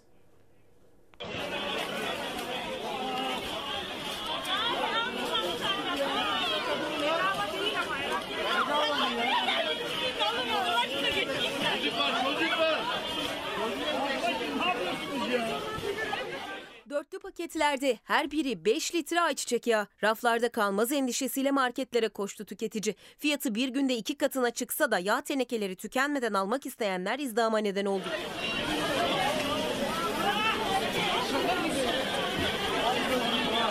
Rusya Türkiye'ye gelen yağ gemilerinin geçişine izin vermiyor. Rusya'dan ithal edilen ayçiçek yağlarını taşıyan gemiler Türkiye'ye giremiyor günlerdir. Üretici Rusya'ya gönderemediği sebze ve meyve gibi ürünleri için yeni bir pazar ararken tüketici Rusya'dan ithal edilen ancak günlerdir gönderilmeyen gemiler dolusu ürünün, yağın neden olabileceği fiyat artışlarını konuşuyordu. Yağsız kalma endişesiyle marketlere koştu tüketici. Ama etiketler bir gün öncesinden farklıydı. 5 litre yağın fiyatı 200 lirayı aşmıştı. Ya!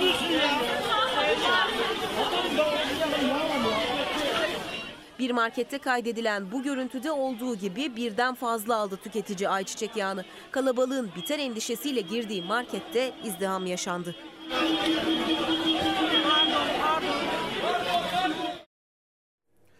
Alekber abi bu yaşadığımız ne?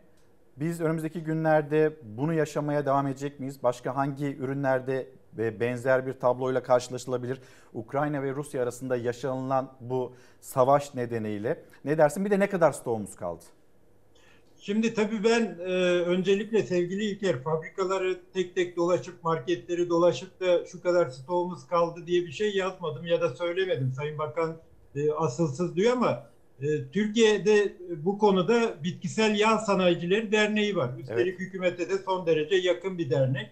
E, bu dernek Ticaret Bakanlığı'na bir yazı yazdı ve bu yazıda da aynen şu söylendi. Denildi ki elimizdeki stok, raflardaki e, miktar da dahil sadece fabrikalar değil. e, Mart sonu Nisan ortasına en fazla yetecek kadar yağımız kaldı. Eğer şu anda Azak Denizi'nde 16 tane gemi bekliyor ki e, dün edindiğim bilgi 22 gemi bekliyor. Eğer bunlar getirilemezse Türkiye yağsız kalır diye bunu ben değil Bitkisel Yağ Sanayicileri Derneği söyledi ve bunu da bakanlığa yazan e, yazdıkları yazı. Ben o yazıyı paylaştım zaten birebir. Yani bitkisel yağ sanayicileri diyor ki bizim şu an elimizdeki yağ raflardaki de dahil tabii dün yağmalandı epeyce tüketiciler aldı. Bu aslında e, nasıl kötü yönetildiğimizin de bir göstergesi. Madem ki yeterli yağ var, dünkü bu sizin biraz önce gösterdiğiniz görüntüler niye ortaya çıktı? Ya da bu Her geçen haftanın koyalım ya. konusuydu. Neden bugüne kaldı böyle bir açıklama yapmak? Şimdi şöyle tabii Azak Denizi e, artık Rusya'nın kontrolünde. Aslında bu sadece Türkiye'nin de sorunu değil. Avrupa Birliği'nde de şu an bu konuda ciddi bir sıkıntı yaşanıyor. Doğru. Neden? Çünkü dünyadaki ayçiçeğinin yüzde 32.4'ünü Türkiye ithal ediyor. Yani Türkiye ayçiçeği ithalatında birinci sırada. Hem çekirdek olarak hem ham yağ olarak. Diğer taraftan Avrupa Birliği'nin 27 ülkesi de toplam olarak e, ikinci sırada. Onlar da yüzde 27.6'sını ithal Neden ediyor. böyle Alekber abi? E çünkü üretmediğimiz için. Yani Türkiye kendisi üretmek yerine ithalat yapıyor. Yetişmiyor mu baktığımız- bizde ayçiçeği? Yetişmez Artık mi? Tabii ki tarlalar Artık boş duruyor bir yandan. Tarlalardaki betonlardan. Hayır hayır ben Tabii. yetişmiyor mu derken de yani toprak mı uygun Evet. değil onu kastediyorum. Toprak uygun e, kaldı ki yani kuraklığa dayanıklı bir bitki yani ayçiçeği ekmemesi için çiftçinin bir nedeni yok. Tek bir nedeni var para kazanamadığı için. Yani biraz önce hani buğdayı konuşurken söylemiştik. Yani bizim çiftçimize 2250 lira ton başına bir fiyat verildi. Yani 2 lira 25 kuruş. Sevgili Deniz'in söylemiyle diğeri 6 lira 1 kuruş. Yani 6 lira 100 kuruş. Yani burada baktığınız zaman aradaki fark çiftçi diyor ben niye üreteyim yani? Böyle bir sıkıntı var. Mazot var, gübre var. Şimdi yağ Yani şöyle değil tekrar- mi? Sattığı sattığı buğdayı 2.75 liraya satıyor. 2.25'e. 2.25'e aldığını 6.1'e alıyor tohumluğunu. Aynen öyle. Şu anda Neredeyse öyle. 3 evet. katı yani. Tabii ki. Tabii ki. Şimdi yağ konusuna dönersek tekrar Türkiye kendi e, ayçiçeğini üretmediği için dışa bağımlı. Kendi ihtiyacının yüzde 64'ünü üretiyor. Bu Tarım Bakanlığı'nın e, e, yeterlilik verilerinde var. Yani ortalama Türkiye ayçiçeği ihtiyacının yüzde 64'ünü üretiyor. Yüzde 36'sını da ithal ediyor. Alekber abi biz İşte kaç yıldır şu an- böyle dışa bağımlıyız? Yani ne kadar zamandır, ne zamandan beri ben bil- vazgeçtik? Ben bildim bileli 25 yıldır 26 yıldır 25 tarım yıldır. yazıyorum. Ayçiçeğinde hep gelen bütün hükümetler, bütün bakanlar yağlı tohumlara destek vereceğiz. Yağlı tohumlar üretimini arttıracağız dedi. Hiçbiri yapamadı bunu. Yani Hiç olmadı. Türkiye gerçekten e, ciddi bir potansiyeli var ama bunu değerlendiremiyor ve geldiğimiz noktada fiyatlar da inanılmaz artıyor. Bakın bu savaş başlamadan önce ayçiçeğinin ham yağ e, ham yağda zaten Rusya ve Ukrayna tekel konumunda neredeyse. Fiyatı ton başına 1400 dolardı. Şu anda 2300 dolara çıktı.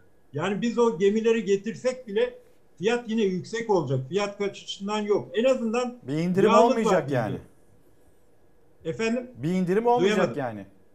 İndirim zaten olmayacak. Yani artık e, toptancılara, gene işte marketlere her gün yeni fiyat gönderiliyor. Her gün. Evet. Yani böyle bir e, noktaya geldik ve bir yandan da e, işte biraz önce söylemiştim. Bütün yağlardaki gümrük vergileri sıfırlandı. İşte e, ayçiçeğine ikame olabilecek yağları ithal edelim deniliyor. Yani hükümetin kafasında hiç üretim yapalım şeyi yok. Genelde hep ithalat yapalım. Ama ithalatı görüyorsunuz ne kadar pahalı hale geldiğini bir. İkincisi e, paramız var ki ithal ediyoruz deniliyordu. Artık paramız var olsa bile ithal edemiyoruz. Çünkü ürün yok. Yani Rusya ile şu an görüşmeler devam ediyor. E, eğer e, bu ayın 10'una kadar, 10 Mart'a kadar sorunun çözülebileceği ifade ediliyor benim görüştüğüm kaynaklar. Eğer çözülürse ilk etapta yağ gelecek ama ucuz olmayacak bir. İkincisi alternatif olarak gösterilen Güney Amerika var. Yani biz Arjantin'den, Brezilya'dan soya alırsak, Mısır alırsak oradan e, yağ sorununu çözeriz diye bakılıyor. Fakat orayı e, bu iki ülkeyle ilgili iki önemli sorun var. Bir, bugün oradan aldığınız bir yağı Türkiye'ye getirip işleyip rafa koymanız tam 100 günlük bir süreci kapsıyor. İkincisi Brezilya ve e, Arjantin özellikle şeyde e, genetiği değiştirilmiş soya ve mısır üretiyor. Yani Türkiye'nin gündemine bir de genetiği değiştirilmiş girecek ürün e, tartışması girecek. Buradan yapacağımız ithalatta. Dolayısıyla Türkiye'nin kısa vadede Rusya ile sorunu çözüp buradaki yağ getirmesi ama önümüzde büyük bir fırsat. Biraz önce konuştuk çiftçi bu gübre zamları nedeniyle buğday ekemedi. Bunun yerine bu sene çok yoğun bir biçimde ayçiçeği ekimi yapılabilir. Bunun için çiftçiye destek sağlanması lazım. Bunun için çiftçinin üretim yapacak ortamın oluşturulması gerekiyor. Hani buğdayı kaybedeceğiz en azından ayçiçeğinden kazanalım diye bir ürünü kurtarmış oluruz diye düşünüyorum. E, Alekber abi hemen kısacık bir unu da sorayım. Ya da ekmeğimizi nasıl etkiler burada yaşanılan kriz? Ve yine bir anahtar e, ifade belki. Çözüm ne olmalı? Tabii ekmekte de benzer bir durum var. Biraz önce konuştuk. Buğday fiyatı 3 katına çıkmış. Ee, Şu anda e, yapılan e, ihaleyle işte 430 dolar ortalama fiyat bir buğday ithal ediyorsunuz. Dediğim gibi dünyada da fiyatlar çok yükseldi. İthalat ucuz değil. Anahtar sözcüğü aslında e, yıllardır hep söylüyoruz. Mutlaka üretime dönmemiz gerekiyor. Planlamamız gerekiyor. Üretimi planlamamız gerekiyor. E, tarladan başlayıp sofraya kadar olan süreci iyi yönetmemiz gerekiyor. E, yani burada e, biz tamamen gümrük vergilerini sıfırlayalım, ithalat yapalım, e, bir şey olursa fiyatlar artarsa da polisiye tedbirle çözeriz denildi. İşte 20 yıl geçti, 30 yıl geçti çözülmedi. Dolayısıyla mutlaka e, yüzümüzü tarlaya dönmemiz lazım. Yeni bir tarım düzeni kuruluyor. Burada artık e, ithalat ucuz olmayacak. Kendine yeterlilik ön planda olacak. Gıda milliyetçiliği çok yükseldi.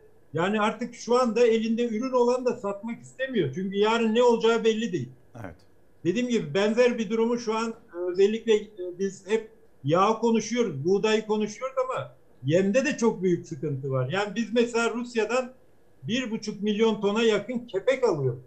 Hani giden Tarım Bakanı demişti ki bu sene kepek ekmeyin diye kepeğin ekilen bir, bir şey olduğunu zannediyordu. Yani kepek ithal ediyoruz, küspe ithal ediyoruz. Yani böyle bir ülkede şimdi e, bunları bu kadar ithalatını artık yapamayacağız. Şu anda et ve süt sektöründe ciddi zamlar gelecek tekrar. Çünkü besiciler artık biz bunu sürdüremiyoruz diyor. Yani yeme sadece şu son dört günde yemde bir çuvalda 50 lira zam geldi tekrar. Yani çiftçi diyor ki ben hayvana yedirdiğim Bu nasıl bir şeydir? Her yerden elde yağıyor. edeceğim ürün mümkün değil. Yani bitmeyecek. biz dedim ya hep yağ ve ekmeğe odaklandık ama hayvanların besin kaynağı olan yemde de Türkiye yüzde 50'den fazla dışa bağımlı. Yani mısır, soya, e, kes, e, işte kepek, küspe, ayçiçeğini konuşurken bunu da birlikte konuşmamız lazım. Çünkü Alekber onun abi diyor ki eti de diyor unutmayın. Süt ürünlerini de unutmayın. Önümüzdeki günlerde onlara da zam gelecek. Gıda terörü yaşanıyor ülkede ya. Resmen Kesinlikle. Kesinlikle Şey- Deniz Bey ve şu anda ciddi sayıda e, hayvancılık işletmesi Evet. çok düşük kapasitelerle yüzde otuz, yüzde kırk kapasiteyle çalışıyor. Alekber Satılık abi. çiftlik sayısı çok fazla arttı. Yani insanlar artık satıp kurtulayım diyor. Alekber abi biz geçen hafta konuştuk, bu hafta konuşuyoruz. Böyle giderse her hafta sonu ben seni sabahın köründe uyandıracağım. Ya Ali Ekber abi yine böyle bir şey oldu bir konuşalım demeye devam edeceğim. Çok sağ ol. Hani bu hafta için de noktalamış olalım. Bir yandan da reklama gideceğiz. Ali Ekber Yıldırım e, tarım dünyasının en etkili isimlerinden, kalemlerinden birisiydi. Ali Ekber abi çok sağ ol bizi kırmadın. Yine Çalar Saat hafta sonunda bizim yanımızdaydın. Ev halkına da selamlarımızı iletelim. Deniz abi çok teşekkür ederim. Sağ, Sağ olasın. Geldin. Birlikte konuştuk, birlikte anlamaya çalıştık.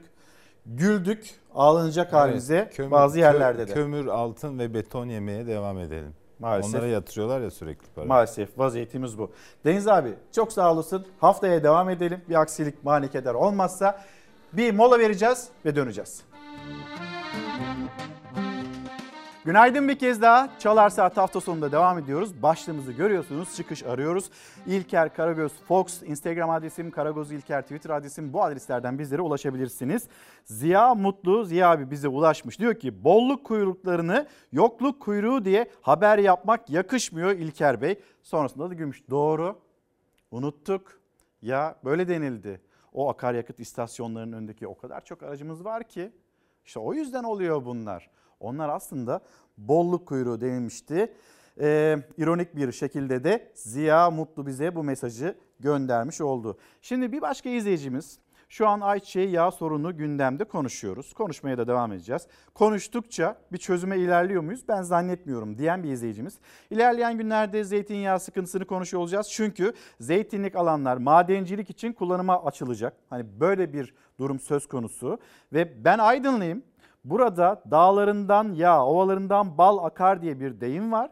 İnsanların çoğu zeytincilikten gelir elde ediyor ama bu gidişatla zeytinliklerimiz de yok olacak. Sonra biz sağdan soldan diğer ülkelerden işte daha fazla zeytinyağı ithal eder hale geleceğiz. Şimdi bolca mesajla ve bolca haberle ilerleyelim. Çalar Saat hafta sonunda hava durumundan söz edemedik. Dışarıya çıktığımızda inanılmaz bir soğuk var İstanbul'da. Hemen bir pencereden de gösterelim. Yönetmenimiz Hüseyin Agoviç de yardımcı olsun. Baktığımızda şöyle bir tarihi yarımadaya soğuk hem de çok soğuk bir gün ee, İstanbul'da. İstanbul'da böyle bir gün başlıyor pazar günü. Sizin oralarda durum neyse lütfen onu da yazıp gönderin bizlere. Bugün yönetmenimiz Hüseyin Agoviç. İrfan e, yönetmen arkadaşımız o annesinin yanına gitti ve annesi de şu anda tedavi görüyor e, Samsun'da. Kendisine de acil şifalar diliyoruz. İrfan'dan da güzel haberler bekliyoruz. İnşallah biz o güzel haberleri de tez vakitte ulaştıracaktır. Şimdi hemen bir memleket havası diyelim. Hızlı bir şekilde de diğer haberlerimize geçelim. Bir adım daha atmış olsa buz sarkıtı başına düşecekti. Güvenlik kamerasına yansıyan olay Isparta'da yaşandı. Binaların çatılarında biriken karın eriyip donmasıyla buz sarkıtları oluştu. Sarkıtlardan biri 5 katlı binanın çatısından yere düştü. O sırada dükkandan çıkmak için kapıya yönelen genç son anda kurtuldu. Kar yağışının ardından bir ay içinde ikinci kez karanlığa gömülen Isparta'da ise hanelerin tamamına 48 saatin sonunda elektrik verilebildi.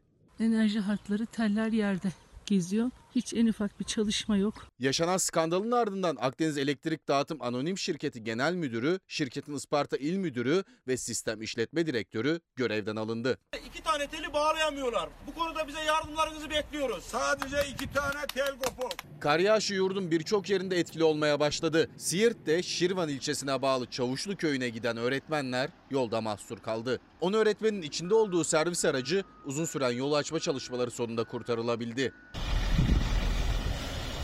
Burası da Hakkari Yüksekova. İş makineleri çığ nedeniyle kapanan köy yollarını 6 saat süren çalışmanın ardından açabildi. Doğuda kar ve soğuk hava etkili olurken yeni haftayla birlikte batı bölgelerinde de sıcaklıklar 10 derece birden düşecek. Yurdun büyük bölümüne kar yağışı yeniden hakim olacak. İstanbul'da da perşembe ve cuma günleri hava sıcaklığının 0 dereceye kadar düşmesiyle kar yağışının yeniden etkili olması bekleniyor. Hicran Hanım günaydın. Bence ziraat müfettişleri olmalı. Ee, bazıları destek alıyor, hiçbir şey yapmıyor ama üreticiden, çiftçiden daha fazla para kazanıyor. Bu hatırlatmayı yapıyor. Hicran Hanım çok güzel söylüyorsunuz ama biz kendi ziraat mühendislerimize, işte ne bileyim teknikerlerimize nasıl yaklaşıyoruz? Onlar için bir alan yaratıyor muyuz, yaratmıyor muyuz? Bunu da hemen araya iliştiri verelim. Yani gençlerimiz ziraat fakültelerinden mezun olan gençlerimiz iş bulabiliyorlar mı? Bunu da bir konuşalım. Şimdi hemen diğer gazetelerimizde de devam edelim istiyorum. Yeni Çağ gazetesine bakalım hep birlikte. Zam korkusu rafları boşalttı Erdoğan'ın varlıktandır dediği kuyruklar uzuyor. Gıdadaki fahiş artışın yanı sıra Rusya-Ukrayna çatışmasıyla ithalatın durma noktasına gelmesi paniğe sebep oldu. Zam gelecek endişesiyle marketlere koşan vatandaşlar birçok üründe rafları talan etti. Başta ayçiçek yağı olmak üzere bazı ürünlerde ise kısıtlama bulunuyor. Marketlerdeki satışlarda sebze ve temel gıda maddelerine ilgi artarken raflarındaki boşluklar dikkatlerden kaçmadı. Vatandaşların en çok satın aldığı gıda maddelerinin başında makarna ve un gelirken konservelerde büyük ilgi gördü denilmiş Yeni Çağ gazetesinde. O zaman burada da konusu açıldı. Bir un konusuna hep beraber bir geçelim. Unda da ayçiçek yağında yaşadığımız sorunu unda da yaşayacak mıyız? Maalesef öyle görünüyor. Herhalde savaş bütün ülkeyi etkileyecek. Şuna zam gelse beni etkilemez mi? Etkileyecek tabii ki. ekmeğin ulaşılamaz bir e, gıda olacağı bir sürece doğru ilerliyoruz. Piyasadaki savaş ve enflasyondan dolayı artan un ve yakıt fiyatlarına yetişemez olduk. Biz fırıncılı olarak bu şartlar altında ekmek üretemeyeceğiz. Üretimde kısıtlamaya gitmeye karar verdik. Bazı illerde ekmekçiler üretimi kısıtladı. Dünya buğday kriziyle karşı karşıya. Fiyatlar son 14 yılın en yüksek seviyesinde. Daha da artması bekleniyor. Türkiye ise buğdayı en çok savaşan iki ülkeden Rusya ve Ukrayna'dan alıyordu. Ziraat Mühendisleri Odası'na göre ekmek fiyatları 3 katını görebilir. Toplam ithalatımızın %66'sını e, Rusya'dan yapıyoruz, %18,5'unu da Ukrayna'dan yapıyoruz. İthalat bağımlılığını hububatta bitirmediğimiz sürece e, ekmek fiyatlarının 10 liraları da 20 liraları da göreceğini göreceğiz. Tabii ki endişeliyiz. Alım gücü düştü aslında. İthal etmek yerine yerli üretime e, destek çıkmak tabii ki çok önemli. Buğdaydaki fiyat artışı en çok da daha ucuz diye halk ekmek büfesi önünde sıra bekleyenleri endişelendiriyor. Çünkü ekmekteki fiyat artışı direkt onların cebine etkileyecek. Bu yaşanmasın diye de İstanbul Halk Ekmek un stoklamaya başladı. Büyükşehir belediyeleri ve yerel yönetimlerin stoklarını artırmaları çok doğru bir hamle. Bunların mutlaka yapılması gerekiyor. Gıda fiyatları artışının da silolarımızın, Toprak Mahsulleri Ofisi'nin aslında e, yetersizlikleri yaşadığını kabul edebiliriz. İstanbul Büyükşehir Belediyesi'ne bağlı Halk Ekmek yaklaşan kriz nedeniyle 2 yıllık un stoğu yapmaya başladı. Ama devletin kara günde kullanabileceği siloları Ziraat Mühendisleri Odası İstanbul Şube Başkanı Murat Kapıkıran'a göre yeterince dolu değil. Çünkü dolu olsaydı Türkiye bu kadar yüksek fiyatlı buğday ithalatı yapmak zorunda kalmazdı. 6500 liranın üzerine çıktı. Eğer bu kriz devam edip de buğday arz eden ülkeler arzı keserlerse 10 bin liraları da kısa bir zaman içinde bulabileceğini tahmin ediyoruz. TMO'nun unları var ucuz olarak piyasada sunulan. Un stoklarımız yok diyorlar. Mevcut stokları da fiyatlar yüksek olarak belirtiyorlar. belirtiyorlar. Ekmek üreticisi önünü göremiyor. Tüketici ise zam yorgunu. Her şey birbirini tetikler. Sadece o buğdaya gelmedi ki benzine de geldi. Bundan herkes nasibini alacak yani. Emre Bey günaydın. Eskiden tasarruf için altın alınırdı. Şimdi yağ alınıyor demiş. Bir başka izleyicimiz o diyor ki çıkış arıyoruz.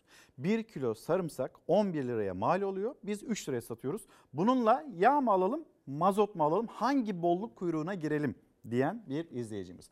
Aydınlık Gazetesi manşeti Rusya'nın dikkati Kuzey Kıbrıs Türk Cumhuriyeti'ne yöneldi. İşte fırsat bir de fırsatlara bakalım diyor Aydınlık Gazetesi. Türkiye'nin Rusya'ya yaptırımlara dahil olmaması iki ülke için de fırsat yarattı. Rusya Siyasi Araştırmalar Enstitüsü Müdürü ve eski milletvekili Doktor Markov ilişkilerin birçok alanda gelişeceğini söyledi ve ekledi. Türk ve Kuzey Kıbrıs Türk Cumhuriyetli yetkililer turizm konusunda adım atmalı dedi. Şimdi biz yeni yeni pazarlar arıyoruz. Hani bir ülkeye bağımlı da olmayalım diyoruz. Ama aynı zamanda yeni fırsatlar, yeni fırsat kapıları deniliyor ve bir yere, bir kanala daha fazla mı acaba angaje oluyoruz? Yani biz yeni fırsatlar yaratmak zorundayız bu tür krizlere karşı. Bir başka haber daha Aydınlık Gazetesi'nden Rusya'nın kararı ihracatçıyı sevindirdi. Rusya'nın Türkiye'den yaş sebze meyve ithalatını arttırma kararı Türk ihracatçıları ve üreticileri sevindirdi. Türkiye Ziraat Odaları Birliği Başkanı Şemsi Bayraktar piyasaya olumlu yansıyacak diyor. Uzak Doğu pazarına ihracat olanaklarının artırılması da gerekiyor dedi. Doğu Karadeniz İhracatçılar Birliği Yönetim Kurulu Başkanı Saffet Kalyoncu da önümüzdeki günlerde Rusya'nın pazarda tedarik sorunları yaşanmaması için nar, portakal, greyfurt ve armut için de getirilen kısıtlamayı kaldırmasını bekliyor bekliyoruz ifadelerini kullandı. Bir fırsattan daha fazla yakınlaşmadan söz edilirken bir yandan da haberin içinde bizim portakalımıza, greyfurt ve armutumuza getirilen kısıtlamaları da bir yandan hatırlayalım deriz. Şimdi yine oraya gidelim. Ee, yani Ukrayna'ya gidelim. Ukrayna'da bizim işte vatandaşlarımız var, öğrencilerimiz var, iş insanları var ve bu savaş ortamından onlar da kaçmaya çalışıyor. Ankara'da devrede son gelişmeleri aktaralım. Burası çok tehlikeli bir bölge olmaya başladı. Zaten başından beri tehlikeliydi. Şimdi daha da tehlikeli oldu. Bizim sadece yaptığımız beklemek. Onun haricinde umarım devletimiz bizi gelip buradan alır. Ukrayna'daki Türk vatandaşlar günlerdir tahliye edilmeyi bekliyor. Sumi, Zaporijya ve Herson gibi kritik şehirlerde mahsur kaldılar. O şehirlerin adı Rusya-Ukrayna arasındaki insani koridor anlaşmasında geçmedi bile. Türklerin tek umudu Türkiye'nin devreye girmesi. Sumu'da vatandaşlarımız var. Henüz onları daha çıkaramadık. Tehlikeli olduğu için güzergahlar. Mümkünse batıya doğru daha doğrusu Ukrayna içinde. Oradan mümkün değilse Rusya tarafına koridor açılması için çalışıyoruz. Az önce markete gidiyordum ve markete giderken yanımda bomba patladı. Yemek sıkıntısı çekiyoruz. Bugün 10. gün. İlk defa bugün duş aldım öyle söyleyeyim size. Ve kirli bir suyla yani topraklı bir suyla duş aldım. Üniversite öğrencisi Çağatay Rona Rusya sınırındaki Sumi şehrinde mahsur kalan öğrencilerden yalnızca biri. Sadece Sumi'de 200'e yakın Türk öğrenci var. Toplamda da 5000 öğrenci eğitim görüyor Ukrayna'da. Hem kolay kabul ediliyorlar hem de eğitim masrafları düşük. Özellikle tıp, diş hekimliği ve mühendislik bölümleri tercih ediliyor. Eğitim ücreti yıllık 1500 ile 4500 arasında değişiyor. Mezun olanlar diğer ülkelerden denklik alabiliyor. Hayati tehlikemiz artmaya başlamıştı. Hani e, devletimiz illaki yardım göndereceğini biliyorduk ama bu yardımı beklemek istemedik. Türk öğrencilerden Yavuz Can Aksakallıoğlu 5 gün süren zorlu yolculuğun ardından Polonya sınırına ulaşmayı başardı. Ancak yaklaşık 4000 Türk hala tahliye edilmeyi bekliyor. Bakan Mevlüt Çavuşoğlu sosyal medya hesabından şu ana kadar 11.496 kişinin tahliye edildiğini açıkladı. Yaklaşık 11.024 vatandaşımızı buraya Türkiye'ye e, getirmek üzere yola çıkar, çıkardık. Sumi'den koridor açılırsa 4 otobüslük bir tahliyeye ihtiyacımız var. İlk fırsatta uçaklarımızı Türkiye'ye tahliye edeceğiz. Uçaklarımızın buraya gelişi sırasında tabii ki orada olursa oradaki vatandaşlarımızın da Türkiye'ye intikali mümkün olacak. Türkiye'den Ukrayna'ya insani yardım götüren iki askeri uçak hava sahası uçuşa kapanınca geri dönemedi. Milli Savunma Bakanı Hulusi Akar, uzlaşma sağlanırsa bölgedeki Türklerin de o uçaklarla tahliye edilebileceğini açıkladı. Ukrayna'dan çıkamayanlar da Türkiye'de onları bekleyen yakınları da perişan. Alacata çifti de İstanbul'da yaşıyordu. Oleksandra Alacata doğum için ülkesine gitti. Karnındaki bebeği ve bir buçuk yaşındaki kızıyla savaşın ortasında kaldı. O da Türkiye'ye dönmeyi, Türk eşine kavuşmayı bekliyor. Bazen kadınlar evde de doğuruyorlar. Yani diyorlar Ruslar izin vermiyor ambulansı gelmemek. O yüzden evdeler böyle kendine doğum yapılıyorlar. Mesela yarın yaşayacaksın, yaşamayacaksın desin. Çocuğu bir şey mi olur?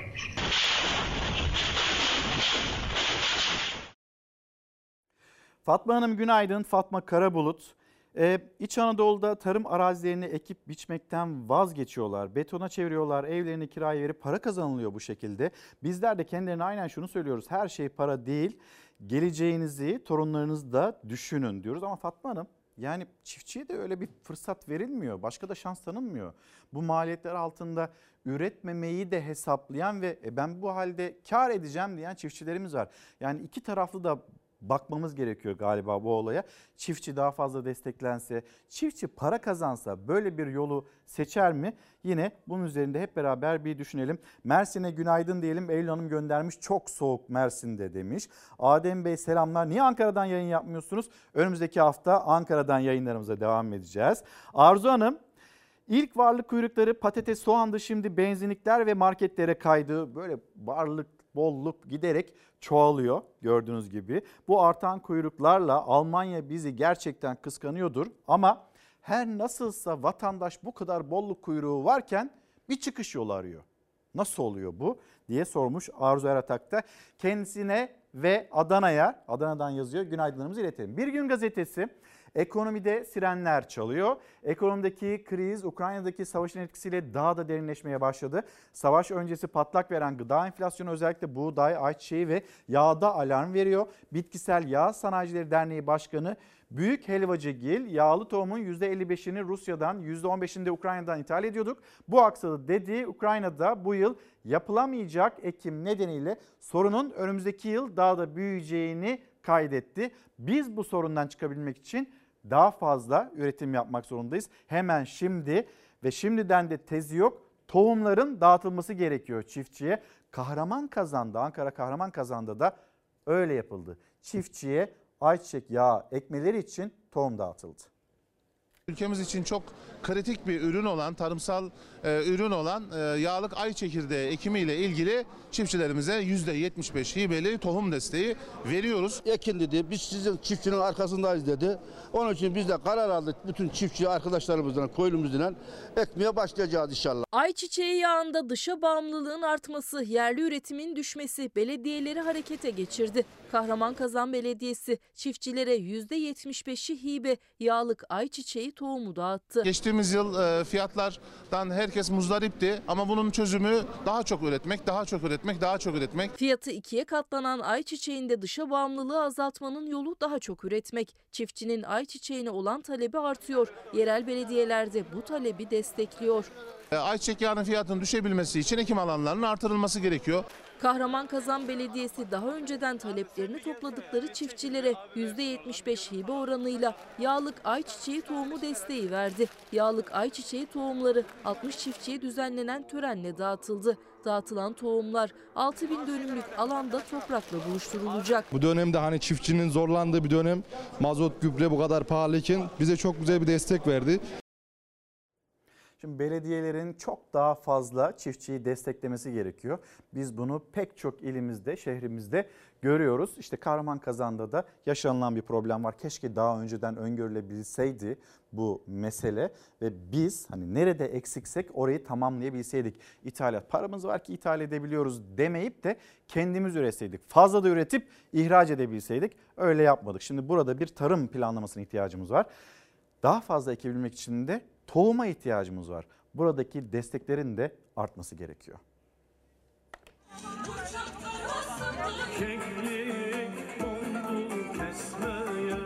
Hormon dediğin otobüs gibidir binmesini bilmeli. Yok öyle ya ama. Toprak ölmeden inmesini bilmeli. Ata tohumları çoğalsın diye paylaşıldı, Bodrum'da takas edildi. Toprağın özünden gelen miras yeni üreticileriyle yeniden can bulacak. Değişim yerelden başlar. Yerel inanırsa, daha geniş kitlelere doğru işler yayılırsa o zaman yerel kalkınma olur. Bodrum Belediyesi ve Bodrum Tohum Derneği işbirliğiyle tohum takas şenliği düzenlendi. Muğla ve çevre illerden gelen katılımcıların stand açtığı şenlikte karpuz, çıtır büyük domates, bamya, ince patlıcan, mısır gibi yerel tohumlar minik poşetler içerisinde takas edildi. Sağlıklı üretim ve kaliteli tarım için tohumlar yeni ev sahiplerine ulaşmış oldu. Hedeflerimiz ülkemizde kaybolmaya yüz tutmuş yerel meyve, sebze ve endemik tohumların gelecek nesillere aktarılması, hayvan ırklarının kaybolmaması için çalışmak, yok olma tehlikesiyle karşı karşıya olan mutfak kültürü ve yeme içme alışkanlıklarını korumak, Kapılma rüzgarıma aldanırsın oynarım genetiğinle kala kalırsın ha.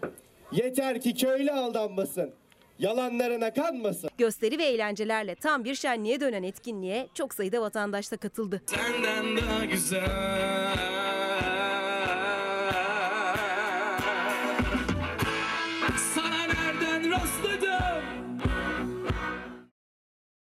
Bir de zeytinliklerimiz meselesi var. Maden alanlarına açılabilir denildi zeytinlikler ama başka pek çok yer, bölge, ormanlarımız maden alanlarına açılırsa biz ne yapacağız? Bu soruyu da soralım ve unutmayalım. Bakın Bir Gün Gazetesi'nde de yer alıyor. Daha önce okumuştum ama sit alanlarını da yağmalayacaklar diye bir haber yer alıyor. Bir Gün Gazetesi'nde de zeytinliklerin maden işletmeleri için yok edilmesi kararının ardından sit alanları da talana açıldı. Bu alanlarda madenlerden HES'lere, rüzgar ve güneş santrallerinden doğalgaza kadar birçok faaliyet yürütülebilmesi için yönetmelik değişikliği yapıldı. Mimar Mühendisler Odası'ndan da bir açıklama. Akçelik diyor ki gece yarısı yapılan değişiklikle doğal alanların talanı hızlanacak diye konuştu. Ee, Berkay Sağol'un da haberi Bir Gün Gazetesi'nde böyle. Yine bu haberi biz size Sözcü Gazetesi'nden de okumuştuk. Zaten pek çok gazetede de görmüyorsunuz. Bazı gazeteler burada yaşanılabilecek olan probleme dikkat çekiyorlar. O zaman diyelim ki zeytinliklerimiz, zeytinimize dokunulmasın. Kestirmeyeceğiz. Kestirmeyeceğiz. Zeytini böyle saracağız. Kendimiz asınacağız. Ha. Gene vermeyeceğiz zeytinleri ya. Ben zeytinimi, vatanımı, toprağımı asla asla vermek istemiyorum. Taş mı yiyeceğiz? Kömür çıkan kömürü mü yiyeceğiz? Altından çıkan madeni mi yiyeceğiz bilmiyorum. Siz söyleyin bana ne yiyeceğiz? Zeytinliklerin madenciliğe açılmasına yönelik tepkiler dinmiyor. CHP ve İyi Parti yönetmeliğin iptali için Danıştay'a başvurdu. Zeytin ağaçlarını katletme yönetmelidir. Zeytini talan yönetmelidir. Biz bu yönetmeliğe karşı çıkıyoruz. Zeytin için. Her kültürde kutsal kabulen zeytin ağaçlarınızdan ellerinizi çekin diyorum. Siz kanunu yönetmelikle delemezsiniz ki. Deva Partisi lideri Ali Babacan da zeytincilik kanununu hatırlattı. El sürülmemesi gereken ağaçların yönetmelikle maden işleten şirketler tarafından kesilebilecek olmasına zeytin üreticileri de İstanbul'daki fuardan ses yükseltti. 9002 tane kızım var diyorum ben. 9000 tane zeytin ağacım, iki tane de Allah bağışlarsa kız evladım var. O ağaçlara ne olursa benim evlatlarım olmuş gibi hissediyorum. Bir dalı kırıldığı zaman evladımın kolu kırılmış gibi hissediyorum. Geçen sene e, torbasını 200 liraya aldığımız gübre bu yıl 800 lira. Sezona başladığımızda bizim e, yağ maliyetimiz 32 liraydı. Sezon bittiğinde yaklaşık 43 liraya kadar çıktı. Maliyetler her ne kadar artsa da üreticinin en önemli geçim kaynağı zeytin. Ülkenin ise geleceği. Çünkü zor şartlara dayanıklılığıyla bilinen zeytin ağacı asırlarca yaşıyor ve yaşadığı müddetçe de nesiller boyu doyurmaya devam edecek. Ağaç kalmasa, zeytin kalmasa yağı nereden bulacağız? Cebinde trilyonla paran olsan litre yağ alamazsın. Zeytin bulamayacağız bu gidişle yani. Artık şeyden alırız. İspanya'dan, İtalya'dan ya da Yunanistan'dan alırız. Tüketici, üretici zeytin ağaçlarına dokunulmasını istiyor. Yönetmeliğin geri çekilmesini ağaçlara sarılarak haykırdı Ege'deki kadınlar. Böyle sarılacağız, gencireceğiz. Biz zeytin canlarımız, biz bunun için yaşıyoruz. Şimdi hızlı bir memleket turu da yapalım. Önce Ankara'ya gideceğiz. Ankara'da bir sürücü hem kırmızı ışıkta geçti hem de kendisini kornayla uyaran sürücüye çekişle saldırdı.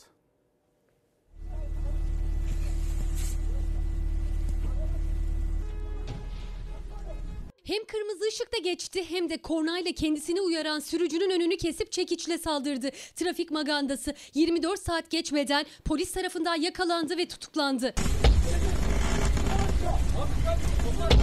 Olay başkentte yaşandı. İddiaya göre Özgür Ö kırmızı ışık yanmasına rağmen durmadı devam etti. Kendisine yeşil ışık yanan bir aracın sürücüsü korna çalarak uyarınca arabasından indi, bagajından çekiç aldı ve saldırmaya başladı. Benim önümdeki aracın önüne korna bastı diye aracından inip çekişti adamı bunu yapıyor şu an. Saldırıya uğrayan araç sürücüsü aracının kapısını kilitleyerek kendisini korumaya çalıştı. Ama gözü dönmüş sürücünün darbeleri peş peşe geldi. Adam camını indirdi. Ya bir polis ara. Çevredekiler de araya girdi ama engel olamadılar. Saldırdığı sürücünün aracının camlarını çekiç darbeleriyle kırdı. O saldırgan ilk ifadesinde de çocuğum hastaydı. Yetişmek için kırmızı ışıkta geçtim dedi. Korna basarak kendisine küfredildiğini öne sürdü. Çekişle neden saldırdınız? Tutuklanma talebiyle mahkemeye sevk edilen Özgür'ü silahla tehdit, hürriyetten yoksun kılma ve mala zarar verme suçlarından 24 saat geçmeden tutuklandı. Şimdi Sinop'a gideceğiz. Okullarına erişmeye çalışan çocukların mücadelesi. Öğrencilerimiz okula gidemiyor. İki yanlarında gürül gürül akan güzelce çay deresi. Islak taşlardan oluşan daracık bir yoldan karşıya geçmeye çalışıyorlar. Altı köyün tek bağlantı noktası olan köprü 10 senedir yapılamadı çünkü. Geriye çile ve tehlike kalıyor. Şu anda bakın vatandaş kepçeye binecek, bindi. Kepçine bu tarafa geçmeye çalışıyor. Kepçeler çalışıyor ama az bir selde tekrar burası gitme ihtimali çok yüksek. Sinop'un Dikmen ilçesinde 2012 yılında meydana gelen selde yıkılan köprünün yerine derme çatma bir geçiş yolu yapıldı. O yol hemen her yağmurda bu hale geliyor. Çocuklar okula gitmek için taşların üzerinden kaymadan yürümeye çalışıyor. Aileler yağışlı havalarda çocuklarını okula göndermekten çekiniyor. Eğitim aksıyor. Tek istedikleri sağlam bir yol. Çekinmekten ziyade evladınızı öyle bir yoldan okula gönderemezsiniz. Başına ne geleceği belli olmaz. Hiç mi kimse görmüyor? Oradaki sorumlular İl Milli Eğitim Müdürü, ilçe Milli Eğitim Müdürü bu çocukların sorununa bir çare bulamazlar mı? Eğitim, eğitim, eğitim. Çocuklarımız, geleceğimiz diyoruz. İşte çocuklarımız okula nasıl gitmeye çalışıyorlar? Şimdi bir Manisa'ya gideceğiz. Bir de Bodrum'a. Orada da gastronomi acı ot şenliği.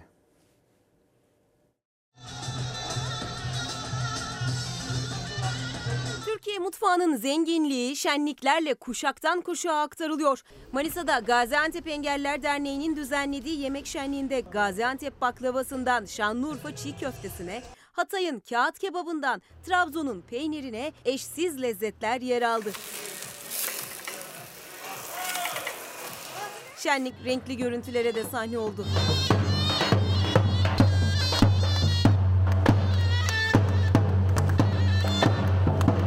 Bodrum'sa 4. Acı Ot Festivali'ne hazırlanıyor. Bodrum'un otlarını ve gastronomik değerlerini anlatacağımız Acı Ot Festivali Ortakent'te 12-13 Mart'ta. Herkesi Bodrum'a bekliyoruz. 12-13 Mart tarihlerinde düzenlenecek olan Bodrum Acı Ot Festivali'nde bölgede yetişen kıymetli otlar ve Ege mutfağının en lezzetli yemekleri paylaşılacak. Festival alanında 250 adet stand ve kadınların evlerde hazırladığı 30 tane el sanatları standı bulunacak. Festival süresince yöresel sanatçılar, halk oyunları gösterileri ve konserler, yarışmalar düzenlenecek. Geliverin gari, yiyiverin gari. Yine hızlıca devam edeceğiz 8 Mart Dünya Kadınlar Günü'nden önce. Kadınlar omuz omuza. Yeni bir sayfa açtın korku senden korksun artık Yapamazsın diyenler bazen bile Türkiye'de kadınların desteğe ihtiyacı var. Maalesef öyle. Biz aslında e, kurumumuzda çok fazla kadın, kadınla beraber çalışıyoruz. Çalışanlarımızın %61'i e, e, kadın. Kendi hastanelerinde çalışan kadınlardan ilham aldılar. Kadınlar omuz omuza projesini geliştirdiler. Daha önce çalışmanın tadına varmamış kadınlara eğitim vererek hastanelerde çalışmalarını sağladılar. Projeye en büyük destekse sanatçılardan geldi. Eğer biraz tanınmışlığımızın manası varsa bugünlerde ortaya çıkıyor diye düşünüyorum. Ve birlikte olmanın, omuz omuza durmanın çok kıymetli olduğunu düşünüyorum. Bu proje e, bizim büyük bir hayalimizdi. E, sağlık sektörü olarak kadınların yoğun çalıştığı bir sektörüz aslında. Bu projenin amacı kadın sayısını azaltmaktan ziyade kadınları istihdamda daha uzun süre tutabilmek, mesleği olmayan kadınlara meslek edindirebilmek. E, Herhangi bir mesleğim yoktu açıkçası. Daha önce iş deneyimim falan yoktu benim. Ama e, bu proje sayesinde şu anda çalışıyorum ve çok mutluyum. E, meslek edineceğim inşallah. Hasta bakıcı olarak yoğun bakımda çalışıyorum. Aysel Öner proje sayesinde iş hayatına atılan ve artık kendi ayakları üzerinde durabilen kadınlardan sadece biri aldığı eğitimle artık bir meslek sahibi. Öncelikle en önemli olan çocuklarımın eğitimine katkıda bulunmam. Bu bana da ayrıyetten bir gurur veriyor. Kadınlar Omuz Omuza projesiyle iş bulan kadınlardan Elif Ateş ise işi sayesinde iki çocuğunu üniversitede okutabiliyor. Projeye destek veren ünlüler de saflığı ve yeni bir başlangıcı simgeleyen fotoğraflarla İstanbul'daki tanıtımdaydı. Hem çok anlamlı hem de çalışması çok keyifliydi hem de ortaya çıkan sonuç bence mükemmel. Sizce öyle değil mi? Kadınların hepsi birbirinden güzel görünüyor. Hep birlikte böyle güzel projelere imza atıyoruz bütün sanatçı dostlarımla. Çok önemli diye düşünüyorum e, kadınların birbirine destek olması. Ben şimdi Türkiye Gazetesi ve Türkiye Gazetesi'nde de yer alıyor. Bir gazeteci hem de çok genç yaşta hayata gözlerini yumdu. Batuhan Yaşar, Batuhan Yaşar'ı kaybettik dedi Türkiye Gazetesi de. Kendi evlerinden, ailelerinden, arkadaşları Batuhan Yaşar maalesef son zamanlarda bir hastalıkla çok uğraştı, çok da mücadele etti. Ama genç yaşta da hayata gözlerini yumdu. Allah rahmet eylesin, Allah geride kalanlara sabır versin. Ve bir başka acı kaybımız Akrep Nalan adı ile bildiğimiz Füsun Nalan Açın. O da sonsuzluğa uğurlandı.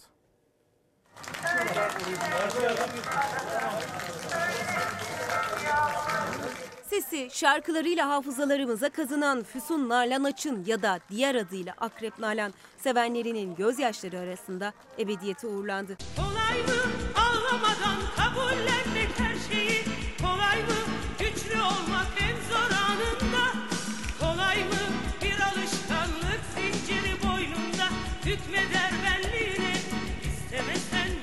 Bodrum aşığıydı. Şarkısı Halikarnas o aşkın simgesi gibiydi. Çok sevdiği Bodrum'da yumdu gözlerini hayata. Solunum sıkıntısı onu sevenlerinden ayırdı. Onun kaybını çok kabul edemedim. Çok şaşırdım duyduğum zaman. Bugün onu buradan uğurlamak bana çok acı veriyor gerçekten. Akrep Nalan'ın tabii benim hayatımda da çok özel bir yeri var. Allah gani gani rahmet eylesin. Cenaze namazının ardından tabut araca konulduğu sırada sevenleri karanfiller attı. Belediye hoparlörlerinden Halikarnas duyuldu. Bodrum ona böyle veda etti.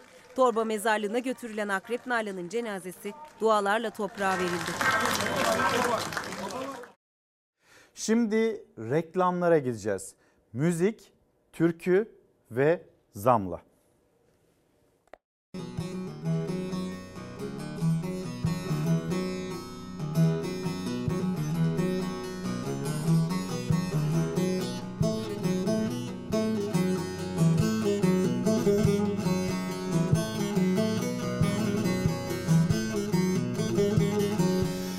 Sehmerde kara kışta üşüdüm dada şüşüdüm Titriyorum damda daşta üşüdüm dada şüşüdüm Titriyorum damda daşta üşüdüm dada şüşüdüm Üşüdüm ana üşüdüm.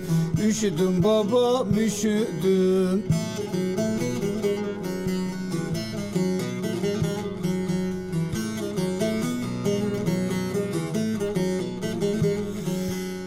Elektrik can yakıyor, zamlar belimi büküyor. Doğal gaza güç yetmiyor, üşüdüm dada şüşüdüm. Doğal gaza güç yetmiyor, üşüdüm dada şüşüdüm. Üşüdüm anam üşüdüm, üşüdüm babam üşüdüm.